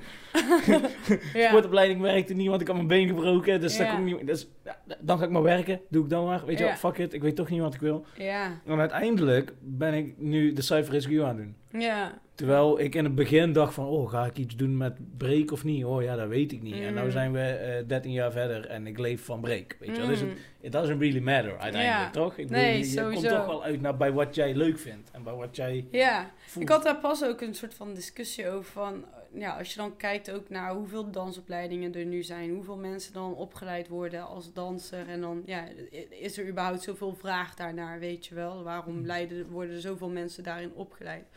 Alleen, ja, ik, eer- enerzijds dacht ik toen van, ja, eigenlijk moet je niet zoveel hebben, om het zo maar te zeggen, want hiermee Verzadig je de markt. verzadig je de markt. En daarnaast zijn er andere, ja, dit klinkt, eh, nu ben ik even heel zwart-wit aan het praten, maar zijn er andere markten waarin eh, er wel veel mensen nodig zijn, eh, zoals, ehm, ik zeg maar even wat, eh stucadoors of timmermannen of, ehm, ja, ja, men- mensen binnen de bouw. Binnen de bouw hebben ze veel mensen nodig. Dus ja, waarom zou je dan zoveel dansopleidingen hebben? Alleen aan de andere kant, als ik dan ook kijk naar mijn eigen levensloop, om het zo maar te zeggen, is het ook weer zo dat ik heb wel echt zo'n mooie ervaring mogen meemaken. Het is wel echt iets wat ik nooit van mijn leven zou, dat ik dat had gemist, om het zo maar te zeggen. Ja. Het geeft zoveel body aan wie jij zelf ook wordt en ja, en zeg maar de, de, ja, zeg maar de ervaring die je hebt opgedaan en, en dat ja, heeft voor mij dan ook weer een soort van verder geleid wat ik dan daarna zou willen doen. Want ik had van jongs af aan een heel duidelijk beeld van ik wil danseres worden. Terwijl eigenlijk als het dan eenmaal die kant op ging, merkte ik van dit is eigenlijk helemaal niet wat ik wil. Ik vind het leuk om te dansen en een danseres te zijn, Ja. maar om dat te worden als profession. Ja, dat is, eh, ja, is iets anders. Daar heb ik eh, zeg maar als, ja, als ja, vanuit professioneel oogpunt eh, vind ik andere dingen eigenlijk veel interessanter om daarmee bezig te zijn. Maar dan, die dingen die moet je ook kunnen ervaren. Als je het niet kan ervaren, dan weet je het ook niet. Maar ik denk dat de, de slag die te slaan is in van die dansopleidingen, of van die dansopleidingen, klinkt zo denigrerend, eh op de meeste dansopleidingen denk ik, is, eh, ja wat je zegt, je, je, je krijgt best wel veel mensen. En ik vind het ook heel mooi dat mensen willen dansen en daar een beroep van willen maken, want dat is ook wat ik doe, weet je Ja. wel. Anders dan, het slaat ook nergens op wat ik doe, als, Ja. dat- weet je wel, als je dat niet moet kunnen. Eh, maar ik dacht ook op een gegeven moment, nou dat dacht ik niet, eh, eh, mij is ooit gezegd van hoeveel wil je bezig zijn met break? En toen zei ik al meteen van ik wil, weet ik veel, 60% break, zo 40, 60, eh, either way. Mijn baan, mijn geld en dan daarnaast wil ik genieten van dans. Want Ja. daar geniet ik, weet je wel. Uiteindelijk doe ik nou heel veel met break, maar ik ben niet een b-boy die zijn geld verdient doordat ik b-boy. Mhm. Snap je? Ik ben Ja. een b-boy die zijn geld verdient doordat hij en een dansschool heeft en events host en organize het en battles dans. Ja. En theater probeert te doen. En Mhm. shows maken met mensen, weet je. Het, het, het, het danser zijn, opleiden tot danser, zou nog duizend keer breder moeten kunnen, in mijn gevoel. Mhm. Snap je? Dat je echt als danser van een opleiding afkomt en denkt... oké, ik kan nou als ondernemer... Ja. Misschien is dat het, dansondernemer. Mhm. Weet je? Ik kan nu als ondernemer in mijn tak van dans... of dat nou break is, of hip-hop, of popping, Ja. of stijldans, I don't care... Ik Mhm. kan daarin, kan ik met mijn skillset iets doen. Of je nou heel goed bent in de marketing en je een paar andere dansscholen mee gaat marketen Ja. en je gaat daar je geld mee verdienen om je eigen ding te... Weet je wel, er zijn Mhm. zoveel weggetjes. Ja, 100%. Ja, en, en ik geloof daarin toch ook altijd wel, alles ligt in je eigen hand in dat opzicht. Ik bedoel, ik kan me heel goed herinneren dat ik voelde me echt een soort van geblest dat ik zo'n dansopleiding mocht doen. Eh, want ja, je moet daar toch auditie voor doen en Ja, niet ja. iedereen kan het gaan doen. En ehm, ja, ik had gewoon iedere dag danslessen van eh, mensen waar ik tegenop Ja. keek. En, En dat is wel een... eh, Alleen andere, ja, anderen die, die, die in de klas zaten, die klaagden over de lessen. Of eh, die vonden dat ze niet opgeleid werden als een echt een artiest-danser. Terwijl ik dacht van ja, als, als jij zelf een betere kijk hebt hoe het zou moeten, dan probeer dat dan voor jezelf ook zo in te richten, om het zo maar te zeggen. Dat je Mhm. Zelf in ieder geval dan ook connecties of netwerk gaat opmaken. Dat als Ja. je klaar bent, dat je dan aan de slag Ja. kan. Maar iedereen verwacht ook zoveel van... Ja, als je, als je dan ergens aan begint aan een opleiding... dat die opleiding dat van jou maakt. Maar dat maken zij niet van jou. Ze leggen alleen Dat een kleine basis. Zij geven jou tools mee. En jij zelf maakt er iets Ja. van. Of je kiest ervoor om niet. Ik bedoel, hetzelfde als dat ik dan de sporthogeschool heb gedaan. Ik heb dat echt zo ingericht dat ik dan eh, vanuit, ja, zeg maar, vanuit dans... eh, dat ik daar, daarmee ook kan kijken van in de organisatievorm, om het zo maar te zeggen Mhm. daarin heb ik, me, heb ik mezelf verdiept door de stage die ik heb uitgekozen, door de, de essays hoe, waar, waar ik over heb geschreven, of mijn scriptie hoe ik die heb ingericht, zeg maar. Dat heb ik allemaal zo ingericht dat ik steeds meer kennis daarover kreeg en dat ik daar zelf eh, mee aan de slag kan. En dat zijn de keuzes die je daar zelf in maakt als je ja, daar, dan eh, daarmee aan En de slag wilt. uiteindelijk, voor mijn gevoel... Kijk, keuzes doen er natuurlijk toe. En natuurlijk zijn er een aantal eh, keuzes die je beter niet kan maken in je leven. Eh, maar basically ben je best wel vrij in je keuzes. Sowieso. En En dat is hier in de- Nederland zeker. Maar dat is ook echt de kern waar ik, waar ik, waar ik, wat ik heel belangrijk vind dat mensen dat snappen. Is gewoon, zolang jij, je kan alles kiezen wat je wil, zolang je maar eerlijk blijft naar je eigen passie en waar je, waar je hart ligt en wat je leuk vindt. Precies, ja. Je, kan, je kan alles kiezen. Je kan elke richting op. Je kan een opleiding doen die iedereen zegt die je niet mag doen. Je kan eh, Mm. stoppen met school eh, als je je leerplicht hebt afgerond en een baan zoeken. En eh, als je maar aan die passie vasthoudt en Ja. niet laat gaan en zegt: Oké, ik geef op op mijn passie, want ik heb nu een baan. Nee, je Mhm. moet wel die passie daar houden. Dan kom je altijd wel ergens waar jij wil zijn. Ja, zeker. Toch? Ik bedoel, Zeker. En ik denk gewoon dat het vooral belangrijk is om die vragen jezelf te stellen. Of dat, ja, zeg maar, mensen om je heen je die vraag stellen. Ik bedoel, ja, mijn moeder heeft me dan al toen ik in de tweede of derde de vraag gesteld van... Wat zou je willen? Zeg maar, wat, zou, wat voor opleiding zou je hierna willen doen? Toen zijn we dus terechtgekomen op zo'n dansopleiding. Nou ja, toen da- da- dacht ik, nou dat wil ik, weet je wel. Dat dat is wat ik heel graag wil. En doordat je dan diezelfde vraag de hele tijd... En toen was ik, zeg maar ja, in het laatste jaar van mijn dansopleiding, toen was ik al bezig met wat wil ik hier, waar wil ik hierna naartoe, om het zo maar, wat wil ik hierna gaan doen. En omdat ik mezelf die vragen stel en het er ook over heb met mensen, dan creëer ik ook meer de gedachte van dit is wat ik wil. Ja. Want ja, je creëert het, als je jezelf die vragen niet stelt, dan zul je altijd blijven zitten in de gedachte van ja, ik weet niet wat ik wil. In ieder geval, Ja. dat zou ik hebben. ja, ja, ja. En ik moet ze- Ja. ja. zeggen, nu heb ik wel veel meer even een moment van ja, wat wil ik precies? Dat ja, vind ik nu even lastig, zeg maar. Maar dat is, maar dat is ook oké. Dat, dat is ook oké en dat is natuurlijk een proces. Je hebt al honderdduizend keuzes gemaakt om je te leiden naar dit moment. En dan af en toe zit er zo'n keuze tussen waar je meer overwegingstijd voor nodig hebt. Ja, Alleen, eh, ik vind het wel belangrijk wat je zegt. Gewoon dat, dat punt dat je gewoon... Op een gegeven moment, je moet gewoon kiezen. Kies Ja. gewoon. Mhm. Again, it doesn't matter. Kies en go. ja. Als je maar je, je passie, doel, hoe je het wil framen, in je hoofd houdt, kies gewoon iets. ja. En je ziet vanzelf al waar je uitrolt. Mhm. Zeker, ja. gonna be good. soms vind ik het dus lastig, omdat ik dus echt al vanaf jonge leeftijd al een hele sterke mening heb van wat ik heel graag wil en wat ik leuk vind en waar ik passie voor. Dus het is voor mij zo moeilijk om het eh, inleven van mensen die dat dus niet hebben. Dus dat, Mm. dat vind ik echt super lastig, omdat dat iets is wat bij mij gewoon heel natuurlijk erin zit, zeg maar. Hoe dat allemaal heel natuurlijk loopt. Ook met dat ik dan ineens al die dingen ga organiseren. Ja, dat verloopt super natuurlijk Mm. bij mij. Want daar word ik enthousiast van. Dan ga ik mee aan de slag en dan wil ik daar iets mee, zeg maar. En dan, ja, Ja. dat, ja, dat, dat, dat, loopt, dat, dat loopt dan gewoon. Ja, ik, ik, ik helemaal niet, hè. Ja, nou ja, ik, ik heb wel een drive, want anders Ja, zou ik niet dingen maar doen. eerlijk, eerlijk, als je kijkt naar hoe jij altijd gepassioneerd bezig bent geweest met Cyberactive. Ik bedoel, da, da, dat is hetzelfde als dat ik ook gepassioneerd ben geweest Ja. met de dingen waar ik mee bezig was. Ja, maar jij had op een gegeven moment doelen. Snap je van, oh, ik wil dat of ik wil dit. Mm. En ik heb, daar, ik heb altijd daarin getwijfeld. En dat is ook, kijk, eh, eh, ik ben fucking blij met hoe Cypheractive is. En Ja. dat is mede een gevolg van die attitude. Omdat ik, ehm, iedereen van ons was helemaal cool met elkaar, maar niemand wilde de bas zijn of weet je wel, het gevoel krijgen dat die iemand iets wilde opdragen. En we waren allemaal super free. Dat is heel mooi. En daardoor zijn we ook nou nog steeds actief als crew. Omdat Mhm. je nog steeds gelukkig bent met wat je doet en het Ja. niet gaat om iets anders. Maar eh, ik had niet het zelfvertrouwen om te zeggen van... hé hey jongens, maar nou is het genoeg. Mhm. Nu gaan we echt trainen en echt trainen en, en dit en dit en dit. En zo gaan we het doen. En eh, ik kan dit goed, dus ik ga jullie dit leren. En jij, dat, dat kon ik toen niet. Mhm. Dat vond ik heel moeilijk. Ik vond het heel moeilijk om, om mijn goals die ik eigenlijk wilde dan daadwerkelijk te doen. Ja. Vond ik gewoon lastig. Gewoon omdat Ja. ik ook niet zeker was over mezelf. Zeg maar. Dat heeft echt wel totdat ik dan met Willem HQ begon. Tot daar was ik gewoon niet zeker van mezelf. Anders had ik het al vijf jaar eerder gedaan. Ja, Weet je ja. wel? Dus Snap dat is ik. wel... Maar soms denk ik ook daarin van, ja, wil, was dat dan ook wat je echt wilde? Of hecht je misschien juist ook meer waarde aan de, ja, de soorten vriendschappen die er ook vooral zijn Hmm. binnen? Zou- Ik bedoel, dat dat misschien meer waarde hecht dan een doel van, we moeten Ja. DBC winnen. Ik zeg maar wat. Nee, maar daar heeft het ook. Even, laten we alles, alles wat ik net gezegd heb, daar laten. Als in allereerste instantie, ik ben fucking blij dat wij zo zijn zoals wij zijn. Ik had niet een andere crew willen zijn. Ik had niet anders het willen belopen.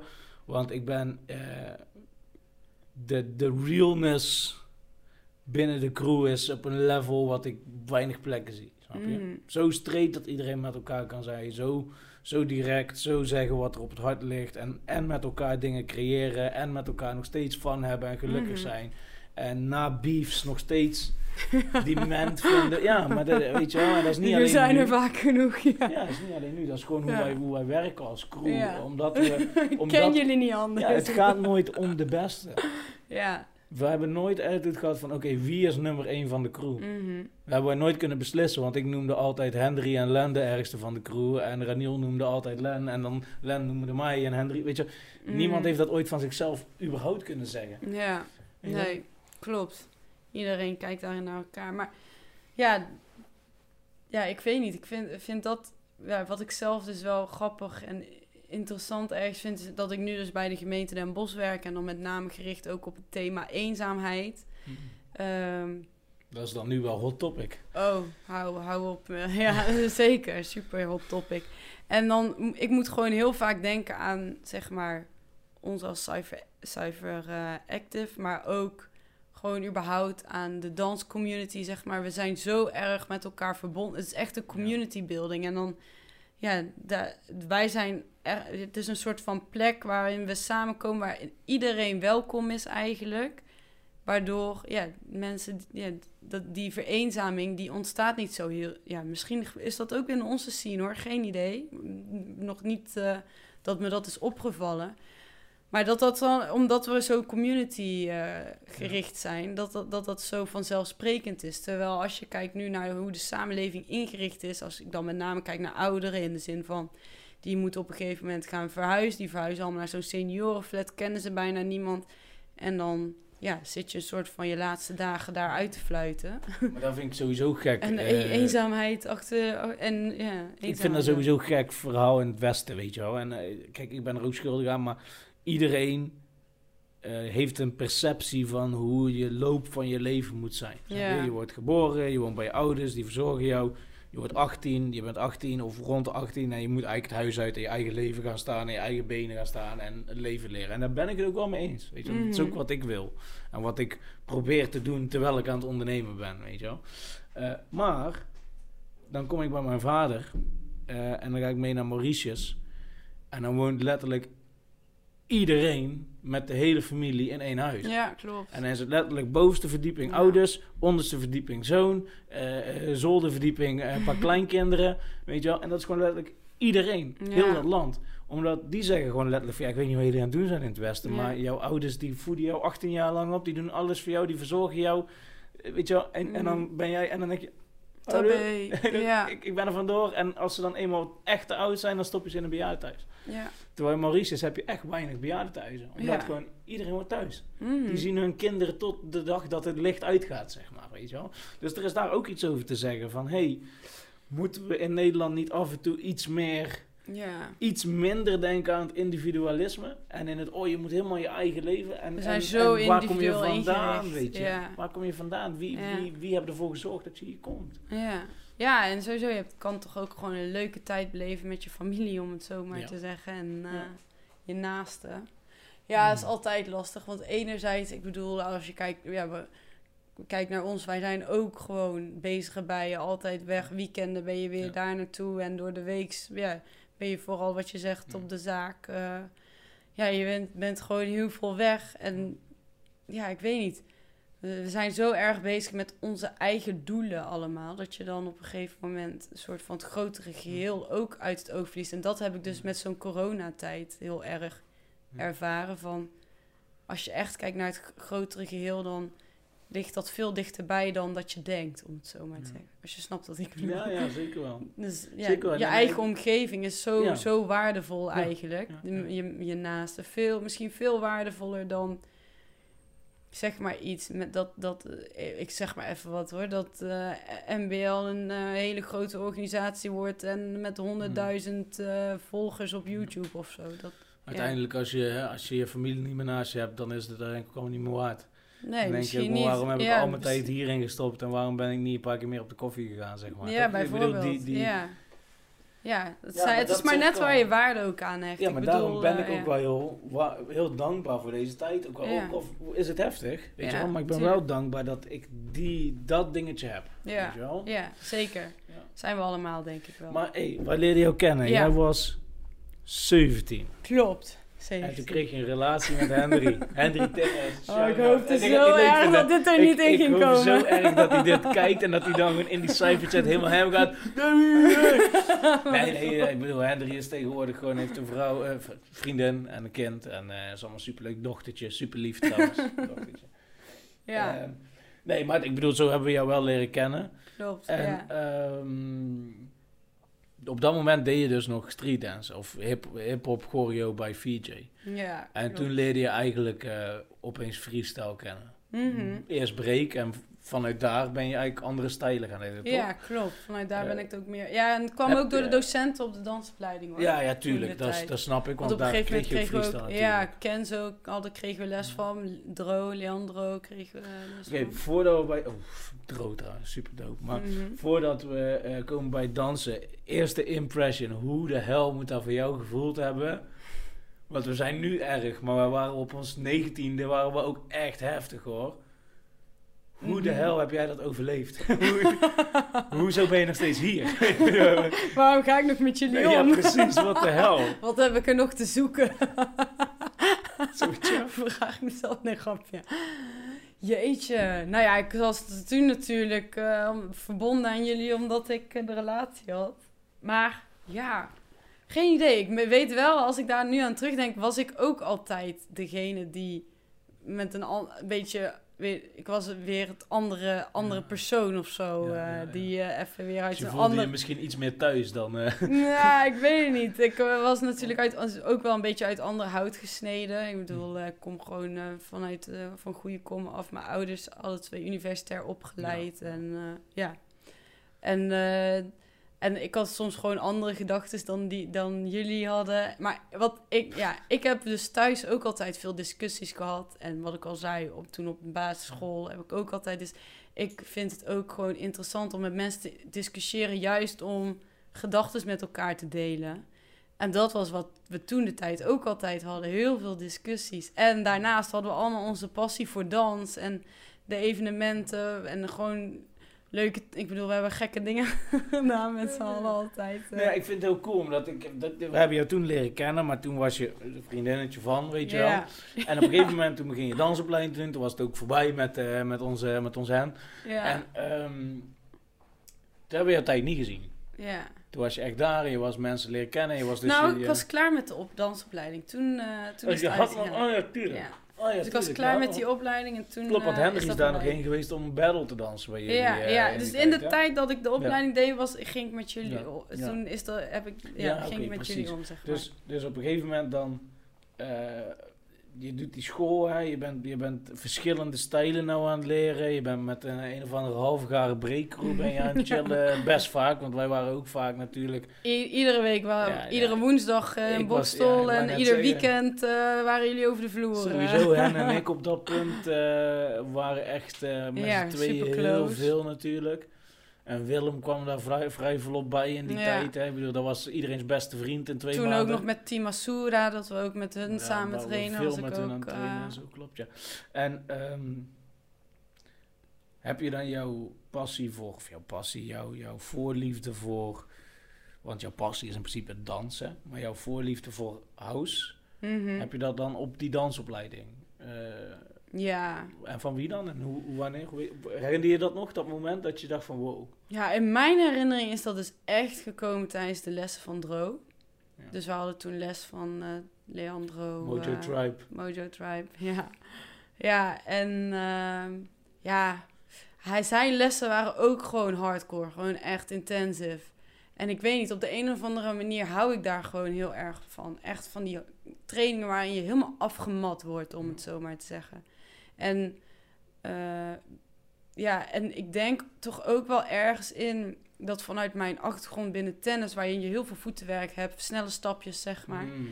dat dat voor mij een soort van Oh, op zijn plek viel in dat Daar opzicht, heb je zeg er nooit maar. over nagedacht, die link. Nee, ja, ja, ja, ja. Ik ik heb het ook wel vaker gebruikt binnen mijn, eh, binnen mijn dans. Ook Ja, met precies. bewegingen bij mijn armen. zeg maar. Ja, ja, zeker. Omdat ik vanuit daar ook steps altijd mee heb gekregen. En echt die hard op heb geoefend. En, Dus die zit er eigenlijk gewoon nog in. Dat is net fietsen, denk ik, toch? Ja, je- ja, sowieso. Ja, Als je nou een tennisracket oppakt, dan... eh, Split step eh, moesten we honderd keer doen altijd. Maar ja, de, de, ik heb altijd het gevoel gehad dat dat voor... Ja, dat ik daar... Ja, dat dat een soort van mooi in elkaar matcht of zo. En mm.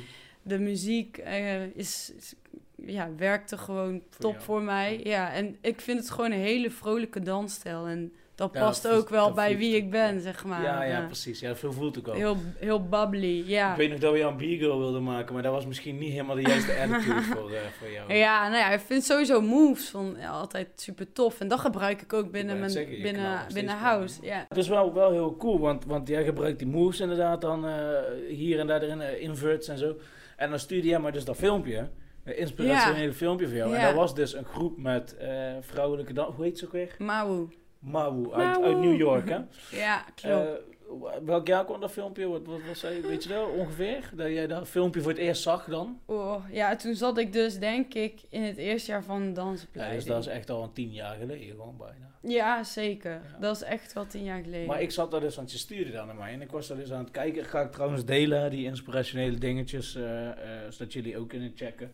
Ehm, ja. maar dat vond ik echt vet, omdat daarin, ik, ik zag gewoon eerst wat house. En toen zag ik op een gegeven moment zag ik een meid en die kwam, die begon met een of andere kick-up en die, die deed allemaal Ja. house steps en wat moves. En dacht ik, maar nou snap ik waar Davy...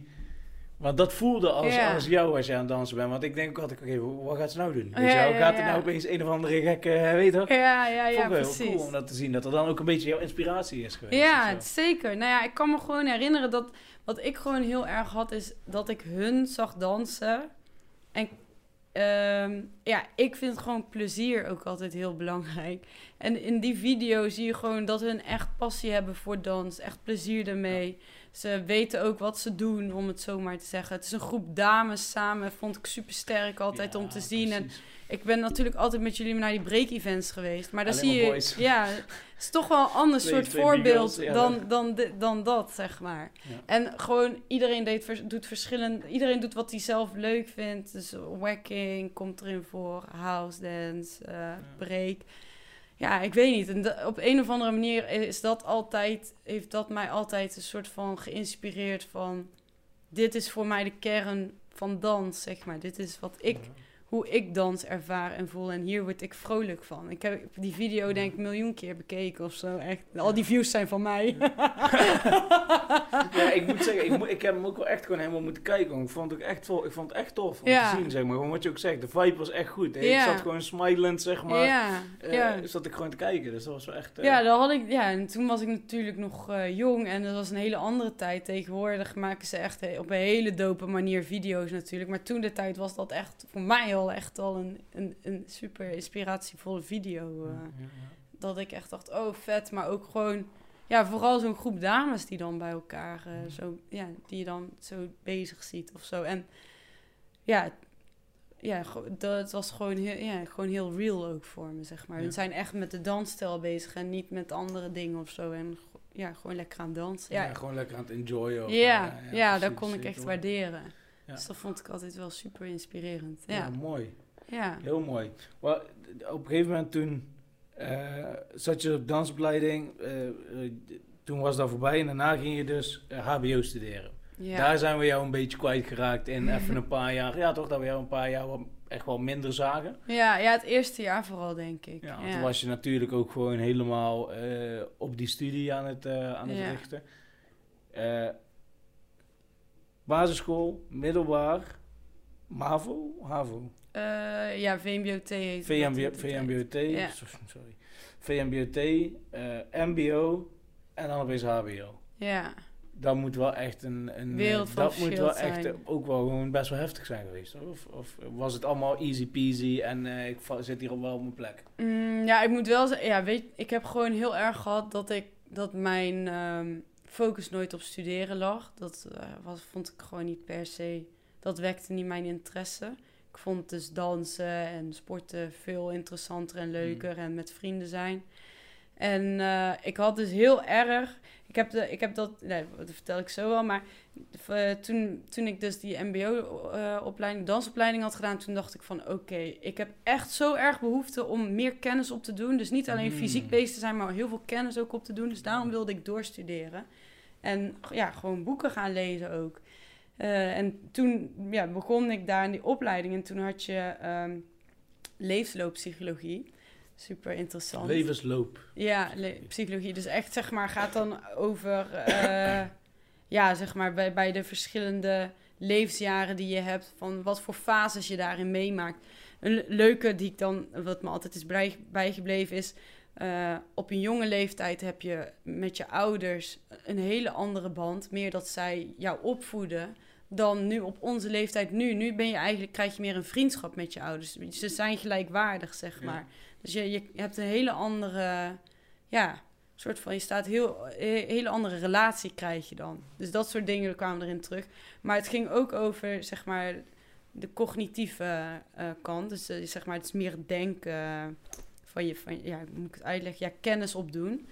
Eh, en dat, dat er een moment in je, in je leven is dat je dus echt eh, heel veel behoefte hebt om ja, veel kennis op te doen. En als ik daar naartoe k- terugkrijg, was dat voor mij echt op die, op die leeftijd. Toen ik 19 jaar was, toen had ik echt zoveel behoefte om gewoon meer te weten over van alles en nog wat. En daarvoor had ik dat helemaal niet. Mm. Maar ja, er was een mega groot verschil, omdat ja, het is natuurlijk eh, eh, vanuit met die dansopleiding, ja, zo heel veel leerde je theoretisch gezien niet. Prak- praktijk echt heel veel. Ik bedoel, super zware opleiding, maar theoretisch gezien eh, vrij weinig. En dan in één keer een hele theoretische opleiding. Ik bedoel, je moet even weer opnieuw leren hoe je moet leren.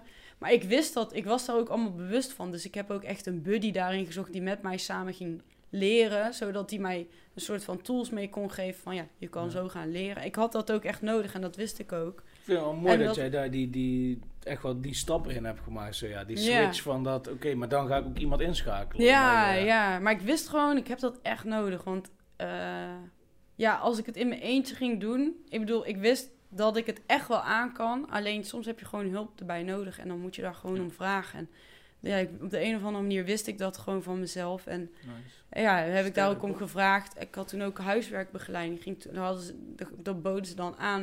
En daar maakte ik dan ook gewoon gebruik van. En eh, ook net zoals bijvoorbeeld mijn toets, als ik mijn toets had gemaakt.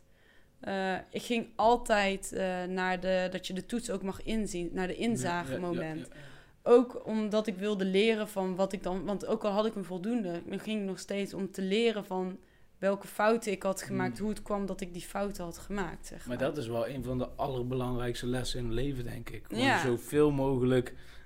Fouten zijn niet erg, maar dan wel echt gaan evalueren waarom is het fout gegaan en hoe kan ik het beter doen. Ja, Dan kun je zeker. inderdaad die stappen maken. Ja, En ik vind het ook wel, wel grappig, want ik ben zelf dan eh, eh, basisschool, middelbaar ben ik HAVO gaan doen. ja. Niet gelukt. Stom, stom, stomme shit. MBO gaan doen. Niet gelukt. Gaan werken. En toen om 21 dacht ik, ja, maar nou wil ik iets leren. Ja, precies. En toen ben ik mijn VAVO gaan afmaken. Toen Ja. heb ik dus mijn HAVO afgemaakt met alleen maar heel goede punten. En toen was het zo van, nou dan ga ik nou eh, iets anders doen. Mhm. Niet gebeurd, omdat ik uiteindelijk dus ben gaan dansen en een studio ben gaan oprichten. Maar toen was het van, ik wil iets gaan leren. En dat was dus ook in de, een stuk later Ja. dan bij jou, maar wel hetzelfde idee Maar van, bij mij oké, ook mijn negentiende Precies, pas. wel ja. hetzelfde idee van, oké, maar het kan even duren voordat Dat, je eh, denkt van, ja. ik ga dit doen. En natuurlijk op mijn 25e ging het los en dacht ik, oké, maar nou gaan we echt iets doen. Mm. En op mijn 27e ging het helemaal los. Ja. dacht oké, maar nou heeft Davy maar die job gefixt. Nou, nou gaan we oosten. Nou, nou gaat nou iedereen mijn ik, stem horen. nou moet ik. nou ga ik een eh, podcast opzetten, kunnen ze heel de nacht luisteren. Toen dacht ik in 2017, dacht ik al, hey, als er ooit een pandemie komt, dan ga ik met Davy een podcast opzetten. Podcast ga stuk. Ja, echt. Ja, maar dat, dat is echt... Mensen hebben gewoon in een bepaalde periode dat ze denken... Nu wil ik echt, zeg maar... Nu heb ik daar behoefte aan of zo. En ik weet gewoon heel duidelijk... Bij mij was dat gewoon toen ik 19 was. En maar daarom ging ik... Ja, ik heb die studie ook gewoon ja, in één keer afgerond. Ehm, alles gehaald binnen vier jaar, zeg maar. Ik heb ook Mm. niet... ehm Geen studieschuld verder of zo? Of wel, dus wel, hè? studieschuld gehaald. Maar dat is wel, hè. Trouwens, ja, ik ben nog ouder, Ja. hè. Dus Ja. ik, ik had nog mogen lenen. Nee, dat heb ik ook. Maar ik ben naar Amerika geweest, dus toen ben ik extra gaan ja. eh, bijlenen. Ja, Oh ja, tuurlijk. Ja, jij bent, hoe lang heb je daar gezeten? half jaar. Ja. En dat was in Eh, Arizona? Utah. Utah. Utah of all places. Utah. Ja, En, en wat voor universiteit dan of zo was dat ja, dan? op ja, SUU, Southern Utah University heette dat.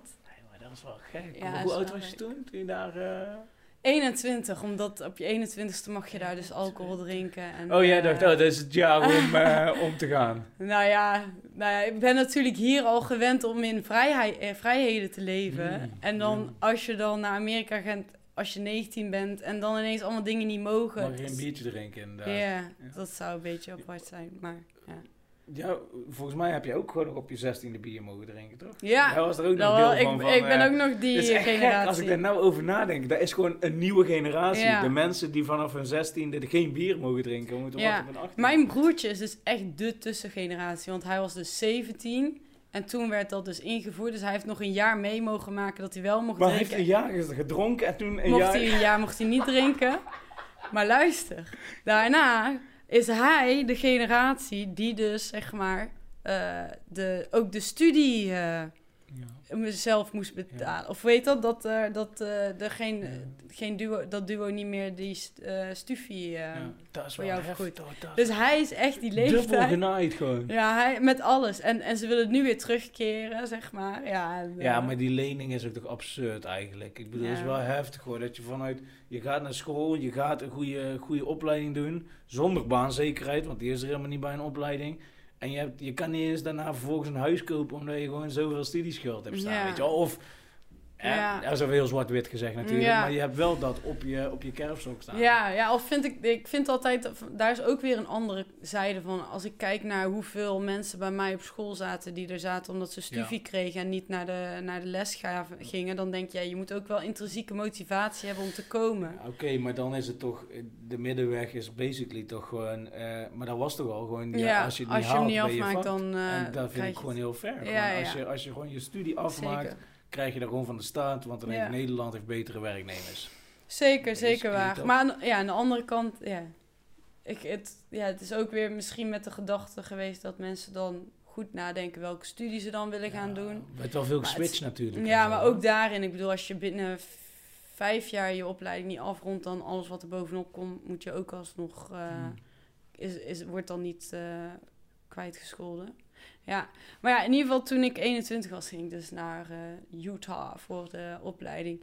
En ook daar heb ik dus, dat heb ik dus ook helemaal met de insteek gedaan van, ik wil daar, ik heb toen ook een scholarship aangevra- aangevraagd, die heb ik ook gekregen, omdat ik daarin heb meegenomen dat ik dus daar naartoe ga en dan ook danslessen ga volgen. Ik ben Mm. toen ook naar New York geweest en LA, onder andere San Francisco, waar ik les eh, had gevolgd. Kijk, ik zat in Utah op school, dus eh, ja, ik was niet ieder weekend kon ik daar lessen gaan volgen, Nee. maar ik heb toen momenten gehad dat ik daar wel naartoe ben geweest. En dat ik dan die kennis weer mee naar Nederland zou nemen, zeg maar. vet. En daar heb ik toen ook die scholarship voor kunnen krijgen. Vet, hoor. Ja, wel super, super interessante ervaring. Iedereen die voor een minor of zo naar het buitenland zou kunnen gaan, zou ik het altijd aanraden. Want het is, ja. ja, het- Adrie die gaf de aanrader om een tussenjaar te nemen. Gewoon, oh ja, en, ja, kan ook altijd. Ja, om, nou ja, eh, ik vond dat ook een soort van, het was een half ja, jaar. Semi-tussenjaar. Ja, ja, want ik was gewoon een half jaar uit Nederland, weg hier, zeg maar. Ehm, ja, en eh, je, ja, je leert jezelf ook op een andere manier kennen. En ook waarderen wat je hier in Nederland hebt, had ik heel erg. Ja, dat geloof ik al.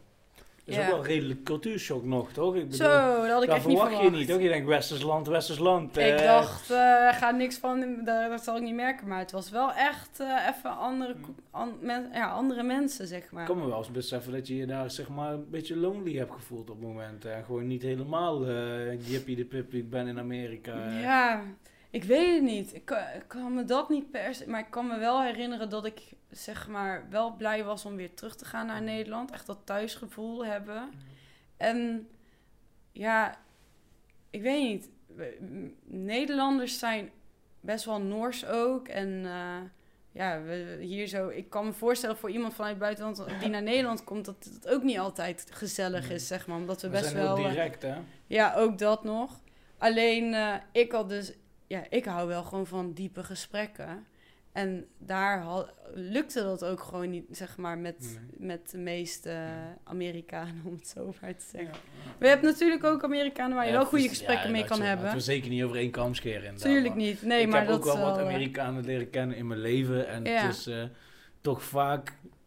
En dan moet ik zeggen, de meeste b-boys en zo, die ik ken niet. Al zijn er daar ook wel, wel wat van. Maar de meeste, die, die, die ook omdat ze worden opgevoed in zo'n zo'n uitvergrote cultuur, weet je wel, met... eh, Oh, weet je, wel, je, je, ja. heel die... Kijk, bij ons is het ook eh BN'ers, dat is hartstikke leuk. Maar eh, daar is dat toch wel even next level, weet je wel. Ja, en alles is zo happy de peppy. Ja, er zijn- overal zit een masker op. En Ja. overal zit een laagje overheen. Ja. En alleen de persoon waarmee je woont achter gesloten deuren krijgt waarschijnlijk ooit jouw echte gezicht te zien. Ja, En dat is hier ook, maar op een andere mate. ja. Mensen Klopt. zijn iets, laten iets meer doorschijnen van hun eigen Ja, dat, ziel vaak. dat heb ik soms ook, ja. Ja, ik weet niet, dat is, was weer mijn ervaring. En daarnaast, ik heb su wel superleuke ervaringen en ook hele mooie Tuurlijk. mensen daar eh, ontmoet. ik maar het is toch anders. ervaring in Nederland. Hè? Laten we Ja. Tuurlijk, maar ja, hier heb je, heb je natuurlijk gewoon je thuisgevoel of zo. En de mensen hier, dat zijn je mensen, om het zo maar te zeggen.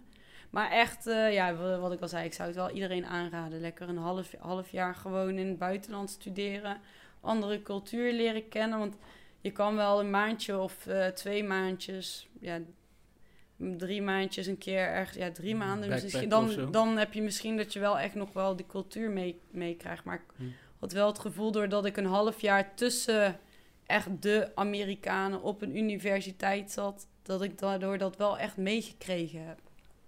Ja, ik heb wel zo'n zo'n ding altijd gehad met mensen die reizen. Kijk, ik ben heel erg voor je moet reizen en de wereld zien en daar leer je van en daar weet je wel. Maar het is vaak zo'n ehm, zo'n ding om te zeggen van, oh ja, ik ga op reis, want dan moet ik mezelf vinden of zo. En dat dat dan de smoes is van, dan ga ik drie maanden in Azië rondlopen. Terwijl ik echt bij mezelf denk van, hé, hey, luister, het enige dat jou jezelf gaat laten vinden is tijd. Heet toch? Ja. Als jij jezelf hier niet kan vinden, in Azië, weet je wel, je krijgt andere, andere inputen en je leert lessen. En, ja. en, en dat is zo. Maar je lessen uit je, de, de lessen die je trekt uit die dingen, die, die Mm. leer je nooit dezelfde dag. Mhm. Dat, dat duurt, weet je wel. En, eh, ja, moet je tijd geven. ja, je moet er tijd geven. En Ja. eh, heel veel mensen die niet daarheen gaan, leren zichzelf uiteindelijk ook kennen Mhm. omdat die net zo goed de tijd geven, maar dan niet in Azië gaan zitten, maar hier dat uitzoeken. Mhm. Snap je? Dus is- uiteindelijk is het al die tijd. En ik denk, je moet reizen, je moet veel zien. Ik hou van reizen, ik wil alles zien. Maar ik doe dat zodat ik meer wereldkennis heb. Zodat ik beter snap hoe mensen werken. En ja, daar leer je jezelf ook al meer mee kennen. Maar het is wel een proces. Ja, sowieso. Zeker, ja. Maar nu in hindsight heb je het gevoel dat Amerika jou eh, op een bepaalde manier vorm heeft gegeven, die zes maanden dat je daar dan heeft gezet. Heeft het jou veranderd of heeft het jou iets gebracht? Heeft het jou een les geleerd? Hmm, goeie vraag. Ehm, het heeft me sowieso veel gebracht. Maar meer in de zin omdat ik toen daar echt zeg maar een half jaar in alle vrijheden heb kunnen leven weer. Om het zo maar te zeggen, los van alles. Eh, en we gingen ieder weekend gingen we daar op een outdoor cursus. Dus dan weer kanoën en eh, ik ben ook eh abseilen. Allerlei leuke dingen gaan doen, om het zo maar te zeggen. En daarnaast die studie. En ik heb daar ook wel echt geleerd van, ik waardeer zo erg wat wij in Nederland hebben. Eh, ik was namelijk best wel, eh, ja, een beetje gechoqueerd van de daklozen die je dan Hmm. eh, in LA ziet of in New York. Ja, het zijn gewoon hele straten vol. Is echt eh, even een ander kaliber, om het zo maar te zeggen. Dat had ik in Sri Lanka ook heel erg, die Ja. impact. Ja. Ja, ja, maar dat, ja, zeg maar, maar ik vind, Daar is zeg nog maar, te verwachten. nou ja, ik ben ook in Indonesië geweest, ja, ja, Cambodja. daar verwacht je nog ja. armoede, maar dan zit je in de USA. Nou, en dan als je daar, ja, het zo rijke mensen. En natuurlijk, in, ook in Sri Lanka heb je ook superrijke Ja, mensen. nee, en maar het is, maar, anders. Maar zeker. in Amerika denk ik van, dat is, ja, zij profileren zich als een eh, land dat het heel goed voor elkaar heeft. Als de, de politieagent van de wereld. Ja, Als de de democratie politie- ja. voorbeeld voor iedereen. Ja, en dan denk ik van, ja, hoe goed zorg je nou eigenlijk voor je eigen land in dat opzicht? Of, nou ja, ik vind daar zeg maar het next level, next level toppunt van individualisme gewoon. Dat, dat, dat is hoe ik dat daar, daar Is- heb dat is ervaren. En ik vind eh, dat in Nederland vind ik dat ook hoor. Hier zijn we ook heel individualistisch ingesteld. Maar daar is het echt van you make it. Ja, Fuck off. Ja. Slam op straat. je bent, je bent een winner of je bent, of je bent een loser, zeg maar. Gewoon zo simpel is, is, is, de, is, die, is het daar. En, Maar dat is eigenlijk gek Ja. als je over nadenkt. Want dan, dan hier in, eh, in Nederland, dat was toen met, met Obama kwam toen in een White House. En het was dan van, oh ja, links president. En dan ga je eigenlijk kijken naar wat die guy vindt. En hij is eigenlijk gewoon letterlijk gewoon de meest rechtse partij in Nederland. is gewoon de meest linkse partij bij hun, weet je. wel. ja, nou gewoon- precies. Ik- ik dat van, dat is het verschil. Ja. Vrijheid. Eh, Jullie hebben VVD nou. Ja, in Ja. Amerika, basically. Ja, Ja, maar dat, dat is het verschil tussen eh, hoe, hoe daar gedacht wordt en hier. Ik bedoel, in Amerika, als we het over communisme hebben, nou walgen om het zo maar te zeggen. En tuurlijk, ook volledig communistisch, dat heeft ook niet eh, de beste uitwerkingen. Dat is in Cambodja ook eh, helemaal de verkeerde kant op gegaan. Maar ja, het is wel, het is wel mooi om meer, ja, ik, ik geloof meer in balans, eh, zeg maar. En, en, ja. ja, Amerika en dat voel wel, ik in eh, Nederland meer. Hier in Nederland, eh, Wij zijn zo kap- kapitalistisch socialistisch ja, ja, gaat So- meer die kant. Socialistisch kapitalisme, ik Ja. het zo zeggen. En tuurlijk... Hier heb je nog een vangnetten, zeg ja, maar. natuurlijk zijn daar ook eh, dingen over te zeggen. En eh, mensen zeggen altijd, wat is het volgens mij Finland en zo. En die dingen zijn nou helemaal voorbeelden. Maar daar valt ook van alles over te zeggen. En, Tuurlijk. weet je, overal wat zo te zeggen. Maar ja. ik merk wel inderdaad dat heel erg terug. Dat, dat, ehm, dat toch nog wel geven om je buurman. En het toch wel erg vinden om... Want dat hebben wij hier toch wel. Ook al is het, is het individueel heel erg gepusht hier. Binnen Mhm. deze ook kapitalistische eh, eh, samenleving. Wij hebben op een gegeven moment socialisme toegelaten in ons systeem. En Mhm. dan krijg je er niet meer uit. Mm, nee. Weet je, GroenLinks gaat niet meer weg. nee. Snap je? Dus dit, dat zijn van die, van die, van die dingen. Ik denk van ja, eh, we zitten best op een mooie balans in Nederland. En Mhm. ik zeg niet dat het perfect is. En zeker niet in deze tijd waarin heel veel mensen het niet eens zijn met maatregelen. En ik ook met dingen niet. Nee. Mhm. En dat is ook, eh, ook logisch. Ik, ik want- krijg wel 1000 euro 50 in de maand. Ja, ja. Nogmaals, eh, ik kan Ja. niet meer verdienen dan dat, want dan word ik gekort. Dus daar is ook iets over te zeggen. Maar Klopt. ik had ook niks kunnen krijgen. Ik had ook in een land kunnen leven waar ze daar niet aan denken. En denken van, ja, hey, luister. nou ja, waarin eh, überhaupt zolang je niet niet doodgaat, zo'n belastingsysteem opgebouwd is als dat dat hier is. Ik bedoel, ja, er, daar is ook heel veel over te zeggen, maar doordat dat er is, kunnen we wel bepaalde dingen opvangen. Die, eh. En ze doen het ook. Hè? Ik bedoel, er wordt, oh, er wordt gelijk daaraan gedacht van hoe kunnen we iedereen toch hier in deze moeilijke tijden helpen en steunen. Ja, ik ben daar, ik luister, als ik die Tozo niet had gekregen, dan eh, had ik nu ergens gewerkt. Had Ja. een fulltime baan gehad. Want ik had, had ik niet, eh, hadden we de studio niet kunnen laten open houden. Was niet Nee, natuurlijk niet. Dus Nee. ik ben super dankbaar daarvoor. Ja. 100%. En nogmaals, er valt ook heel over te zeggen over hoe functioneel het nou echt is. Maar, Mhm. nogmaals, Ja, er zijn ergens- meerdere eh, kanten, Ik denk dat ja. op 70% van 80% van de aarde, ik denk nog wel meer, had ik het niet gekregen. Ik Ja, sowieso. Meer dan 80, 90% Ja, joh. van de aarde, weet je wel. Dat denk ik ook wel. Maar wij zitten in die top 3% van, van landen waar je, waar je gewoon echt maandelijks hulp krijgt. Of het nou genoeg is of niet. Of het nou, Ja. weet je wel. eh, ik wordt wil- meegedacht. Ik wil niks tegen iemand Ja. zeggen, dat, want er zijn zat mensen over de kop. En er zijn zat mensen die niet meer... Zeg ik niks over mijn persoonlijke situatie. Dat ik denk van ja, Klopt. at least doing something. Ja, zeker. Maar oké, ehm, eh, je leerde ons kennen, je ging naar HBO studeren, toen ging je op een gegeven moment naar de USA. Mhm. Toen kwam je terug. Ja, En toen begon ging je master volgens mij. Of toen heb ik dus mijn stage bij Paul eh, gedaan je stage met bij. Paul, daarna heb je nog een master en gedaan. toen die master, ja, klopt. Nice. Ja, En nu ben je hier. en toen, eh, ja, toen heb ik dus eerst... Ja, nou ja, toen heb ik dus... Na die master Ja. heb ik eerst... ehm, had ik met mezelf een soort van afspraak. Ik ga twee jaar als zelfstandige aan de slag. Dus ik heb twee jaar, dus ben ik dan ben ik bezig geweest met eh, MBL, met Jukebox, Jam de la Femme. eh, ja, die theater, voor, net zoals Wijzer bijvoorbeeld. Allerlei verschillende dingen. En om te er- ervaren hoe ik dat vind als, als, zelfstandige. En ik merkte gewoon daarin dat ik het heel moeilijk vond om een soort van die balans te, te Ja. vinden. En ja, soort van. eh, ja, om, om in ieder geval die balans te vinden en van, nou, waar, waar ga ik nu echt mee aan de slag? Wie is Davy en, en hoe, hoe is zij bezig met al die organisaties? En dat ik dacht van, eh, ik, ik ben eigenlijk ook wel nu toe, nou, met de ervaring die ik heb, aan een volgende stap om voor een grotere organisatie te gaan werken. Voor het eerst in mijn leven in loondienst, om het zo maar te Ja, zeggen. ja. En iets te betekenen voor de stad, eh, wat weer dichterbij, dichterbij zit, om het zo maar te zeggen. Ja. Dus Ja. je hebt eigenlijk gewoon nog een studie gedaan.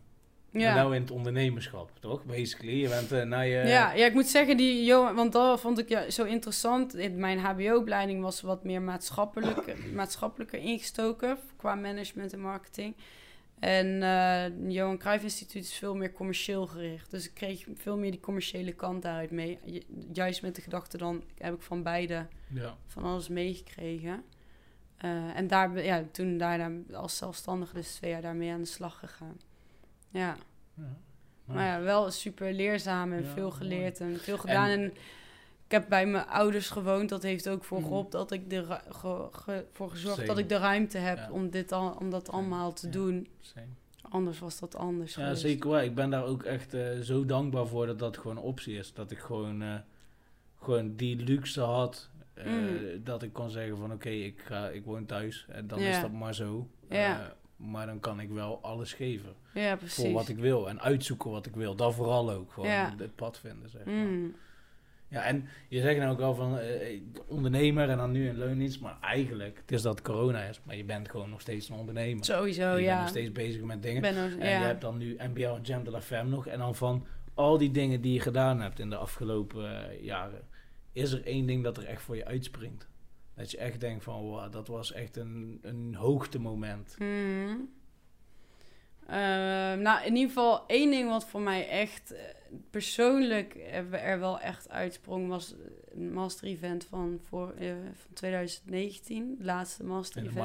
Hier. Den Bosch. Ja, dat is voor mij wel echt eh, gewoon persoonlijk eh, vond, vond ik dat echt. eh, Een achievement van, ja, kijk dan. dat ik dacht van wow, dit eh, ja, heb ik wel even voor elkaar gekregen, zeg maar. Kikken, als ik nou nadenk over jouw eh, sportachtergrond en dan eh, nu je functie met eenzaamheid en sport in wijken.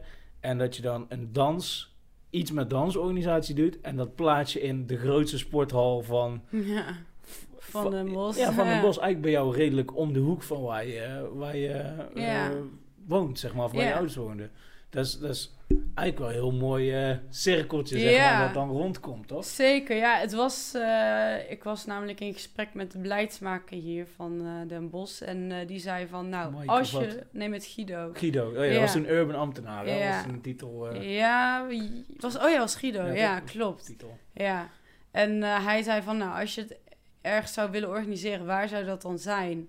En ik dacht, ja, nadat koud ijs weg was en ja, Keihal is gewoon zo leeg en Van Aken is te klein. Ik dacht, waar, wat is dan een mogelijkheid? Waar, en en hij, hij had het over als je zou mogen dromen. En toen dacht ik van, ja, weet je wel, zo'n Maasporthal kan super dope ingericht worden. En als je dan echt gaat dromen, ja, dan is dat gewoon zo'n grote ruimte. En dan ook die, dat basketbalruimtetje die er is. En gewoon, ja. ja. ik dacht van, als je dan ergens kan, dan is dat misschien super nice. En dan ja, je kan gewoon door blijven groeien. Voor mij was dat ook, ik had het niet eens georganiseerd. Snap je? Ik bedoel, ik heb ook hoogtemomentjes. Voor mij Back to the Cyphers 2019 is de, de all-out hoogtepunt van wat ik georganiseerd heb. Ja. Eh, al moet ik zeggen dat eh, ik heb voor ehm, Creative World Forum, Mhm. eh, CWF, was Vond een, ik ook echt super Ja, nice. was, was masterlijk. Gewoon omdat dat helemaal buiten breek ligt. Het was ja. een job van iemand heel anders. En die kwamen met eigenlijk weer een breakdance showtje doen. En uiteindelijk Mm. had ik een hele avondprogrammering in het Parktheater eh, gecreëerd.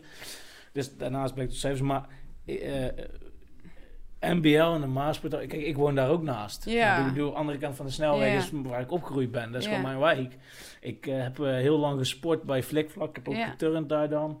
En eh, ik, heb, ik heb al mijn eindejaarsshows van Flikvlak en dat soort dingen heb ik altijd daar gedaan met turnen. En Ja. ik heb daar basketbalwedstrijden gezien van wel toen nog Ja. de, de Eiffel Towers en zo, weet je wel. Dat was Heb jij toen nog gedanst ook? eh, Da- ik heb ja. daar gedanst trouwens. Nou, ik zeg, de, tussen- de time-outs ja, heb ik time-outs, gedanst inderdaad. Dus er zit er zoveel history van mijn breekgeschiedenis. Ja. Eh, ja, de deur er tegenover was waar ik, waar, waar ik les gaf en trainde vanaf Mm. mijn zestiende, weet je wel. Dus er zat zo'n history en dat ik daar dan ja. mag hosten en mijn kids mag zien dansen en, en kan, kan dansen zelf. En dat Mhm. allemaal binnen wat ik leuk vind en waar ik Mhm. van hou. En die passie, ja, dat was gewoon Ja. super dik. Ja, ja, zeker. Ja, ik, ik vind dat ook... Ja, dat is voor mij wel echt een persoonlijk... eh, Ja. ja, iets waar ik trots op ben eh, eigenlijk. Ja. En daarnaast, ja, alles, alles wat ik gedaan heb natuurlijk eh, trots op. En Ja, ehm, natuurlijk.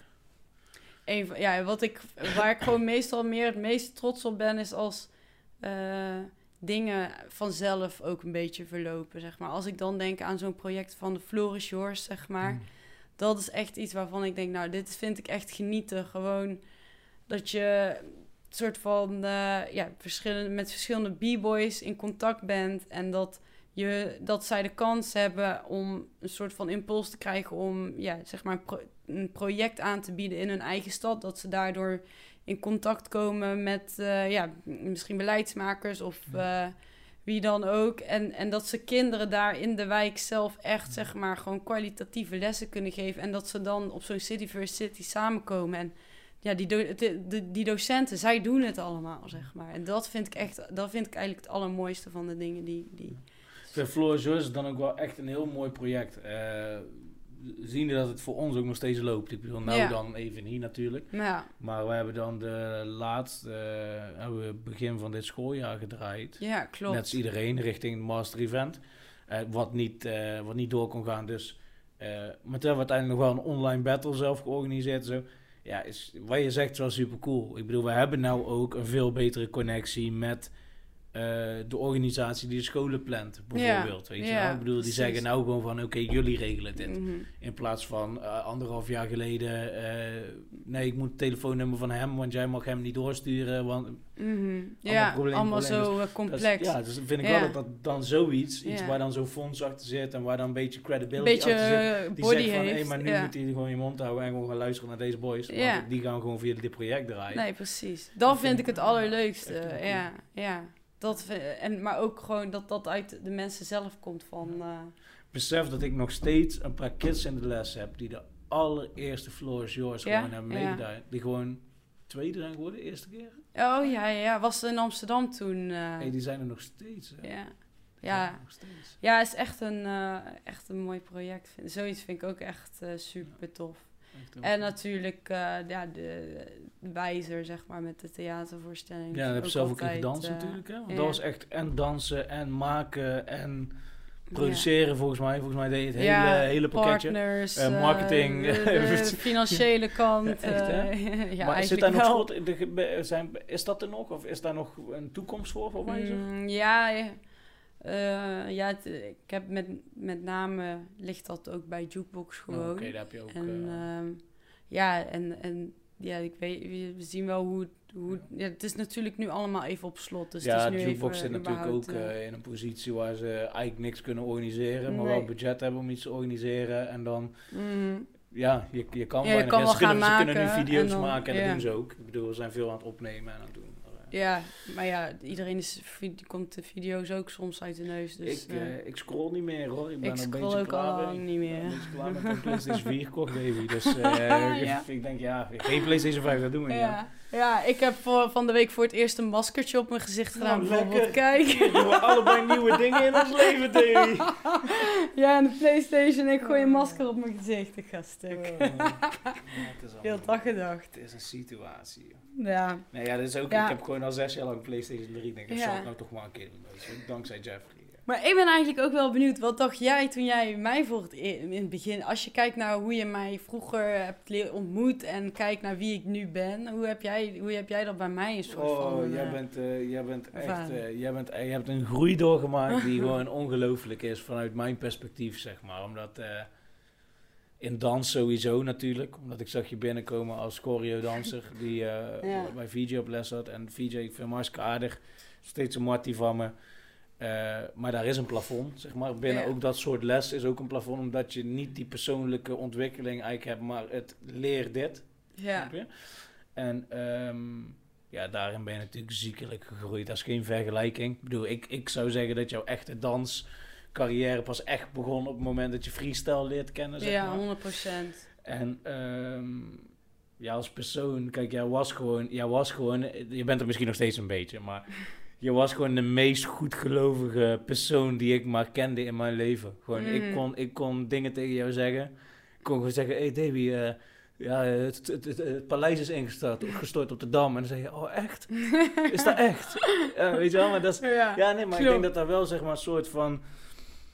eh, en dat klinkt, bedoel ik helemaal niet stom, hè, maar een beetje opgroeien in eh, een beetje een soort bubbelplek, weet je wel, goede wijk. eh, eh, eh, je hebt je dingetje. En op een gegeven moment kom je met allemaal Mongolen zoals ons. En met, ja, maar de- ja, toch? Ik bedoel, allemaal straatratten. En in één Mm. keer is het zo van. Oké, maar dit is dus, dit, soort, dit bestaat ook. Mhm. Zeg maar. En ik denk dat je daar wel heel veel in gegroeid bent. Ja. Ja. En gewoon in die, die kennis en in mensen, snap, mensen doorhebben. En mensen ben je zelfs heel goed in, denk ik nu zelfs. In dat, in dat, ja, maar dat denk ik wel. Ik bedoel, Ja. Anders dan was je niet nu gekomen waar je nu bent. Als je dat Mhm. niet echt onder de knie had, zeg maar. Ja. Ja. ja, ik denk sowieso dat eh, überhaupt eh, mijn omgang met jullie, eh, ja, dat heeft me ook gevormd tot Ja. wie ik nu ben natuurlijk. Ja, zeker. Zeker, ja. En ja, ik, ik ja, wat je zei, ik ben wel, ik hou er gewoon ook altijd, altijd heel erg van om de andere kant te belichten. Dus soms heb ik ook juist weer het gevoel dat ook ik weer wat gebracht heb naar de groep. In de zin Ja. van dat ik ook weer andere kanten Ja, ja, ja. uit weet te lichten. Ja, maar dat vind ik nu sowieso mooi, omdat je, ja, je bent echt eh, super erg gegroeid. Hè? Je, hebt, eh, je hebt best wel wat dingen bereikt. Je hebt een heel erg een mening gevormd met alle dingen die je geleerd hebt. En eh, je bent echt niet bang om dat ook gewoon daarin te sharen. Terwijl wij Mm. allemaal een stel eh heethoofden bij elkaar zijn, weet je wel, die allemaal een handleiding hebben. En dan komt Davy even tussendoor met, hé maar jongens, eh, trouwens, eh, moet je even hierover nadenken. En dan breekt de hele hel weer los. ik, vind dat wel, ik vind dat wel mooi. Dat is wel Ja. een mooie plek voor jou, Ja. om te zeggen van even... Nou, ik ben ook altijd blij dat ik er goed tegen kan als ik gewoon de volle laag van alle kanten krijg ineens Ja. over me. Zo, wow. Maar dat komt ook inderdaad weer uit die, uit die, hoe we dat in die crew wel een beetje oppakken. Gewoon, hey, wees gewoon, zeg het gewoon, weet je. We kunnen bonje hebben, maar ja, ik zei het al tegen je, dan is er ruzie. En dan is er een probleem, of ruzie, een dikke discussie. En dan denk je, hoor, dit gaat echt niet goed. Iemand gaat op de vuist. En dan Mhm. vijf minuten later, dan gaat het over, hey, kom je daar chillen bij mij? Ja, dat is zo'n gekke, daar, daar kun je bijna niet beseffen dat dat kan, zeg maar. Toch? Ja.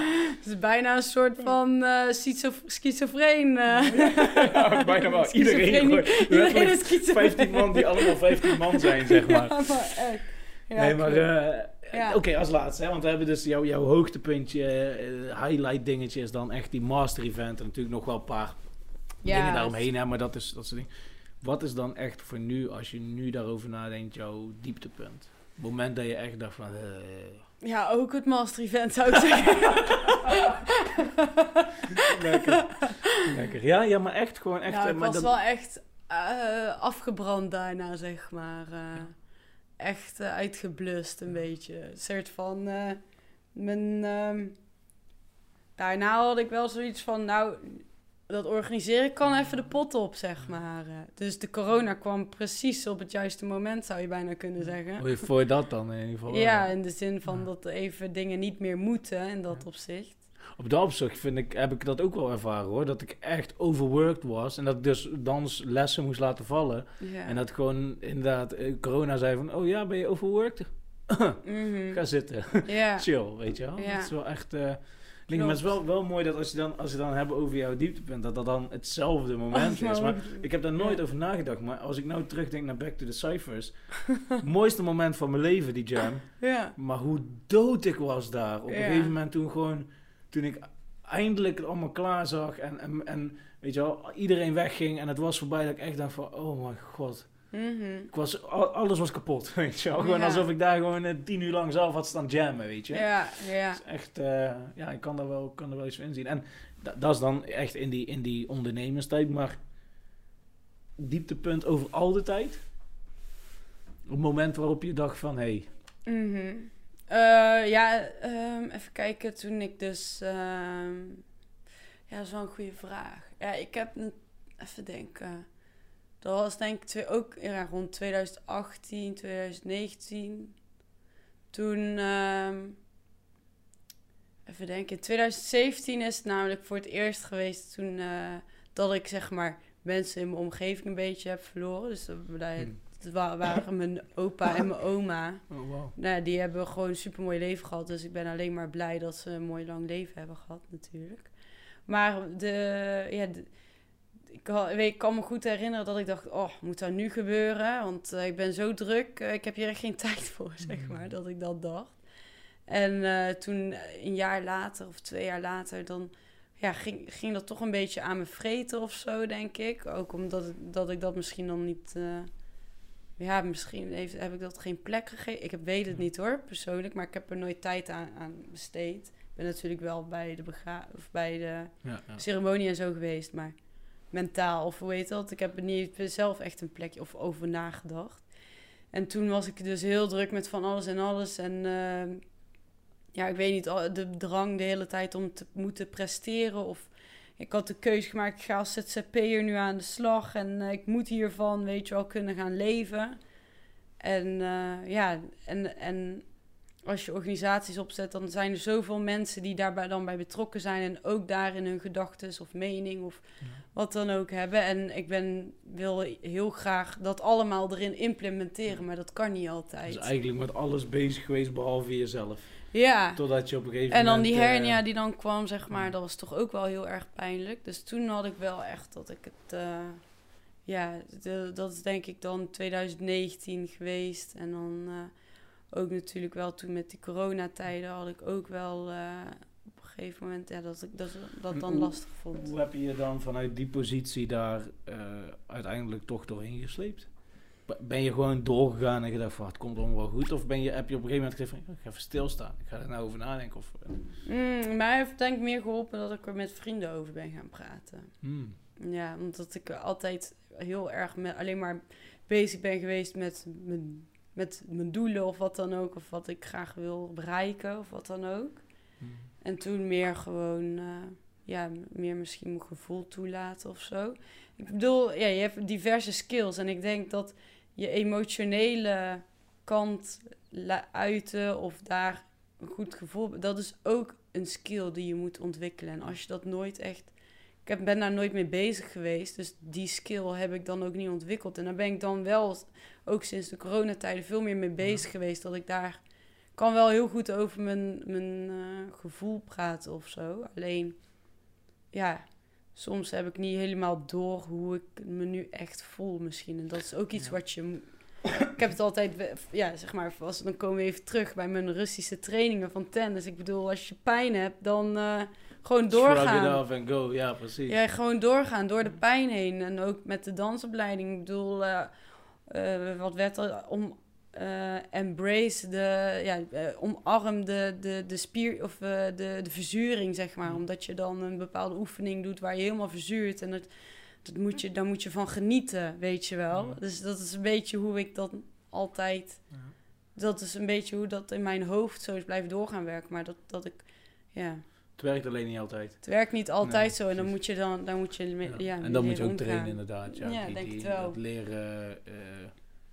Ja. even naar binnen En met mensen erover praten, dat is altijd het Ja, allerbeste. vind ik, maar dat vind ik mooi dat je dat zegt. Omdat vaak is het, eh, is het inderdaad, je denkt aan, oké, ik moet aan mezelf werken en ik moet eh, naar binnen kijken. Maar dat, dat starten is onmogelijk Ja. als je in de put zit. Ja. Je, je hebt die externe input nodig van Mhm. mensen en zeggen van, hé hey jongens, ik voel me kut man. Ja. Ik weet niet wat ik moet doen en ik zit vast. En, Mhm. en doe dat niet met één iemand, want dan ga je iemand anders zijn leven leiden. Ja. Maar doe dat met, Ja. met verschillende mensen waar jij een band mee hebt. En dan Mhm.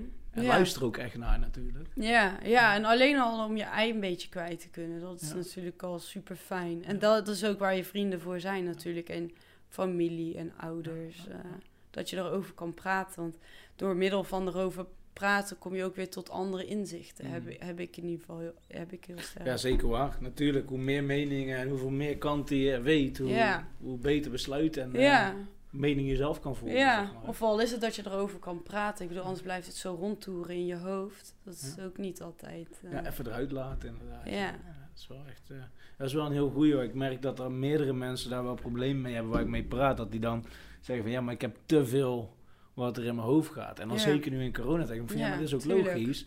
mhm. Normaal dan, dan, dan kun je dit met mensen delen. En ook al zit het nog steeds in je hoofd, omdat het besproken is, kan het een laadje in. Weet Ja. je wel? Maar omdat het nooit besproken is, dan gaan die fucking laadjes allemaal door elkaar aan het vliegen. En dan, Blijf je erin rondhangen, ja. Ja. En, en, en ik geloof er ook niet in dat je die dingen allemaal kwijtraakt, maar eh, je moet er mm, een soort van mee leren omgaan of zo. Dat, da- daar geloof ik eerder in. Ja. Ik bedoel, soms maak je moeilijke dingen mee in het leven, om het zo maar te zeggen. En die dingen die veranderen niet of die gaan niet weg, dat blijft zo. En de, eh, ja, dan, dan kun je het proberen weg te stoppen, maar op een gegeven Nee. moment nekt dat ook. Dus de, je moet er een omgang mee, je moet Mhm. ermee proberen.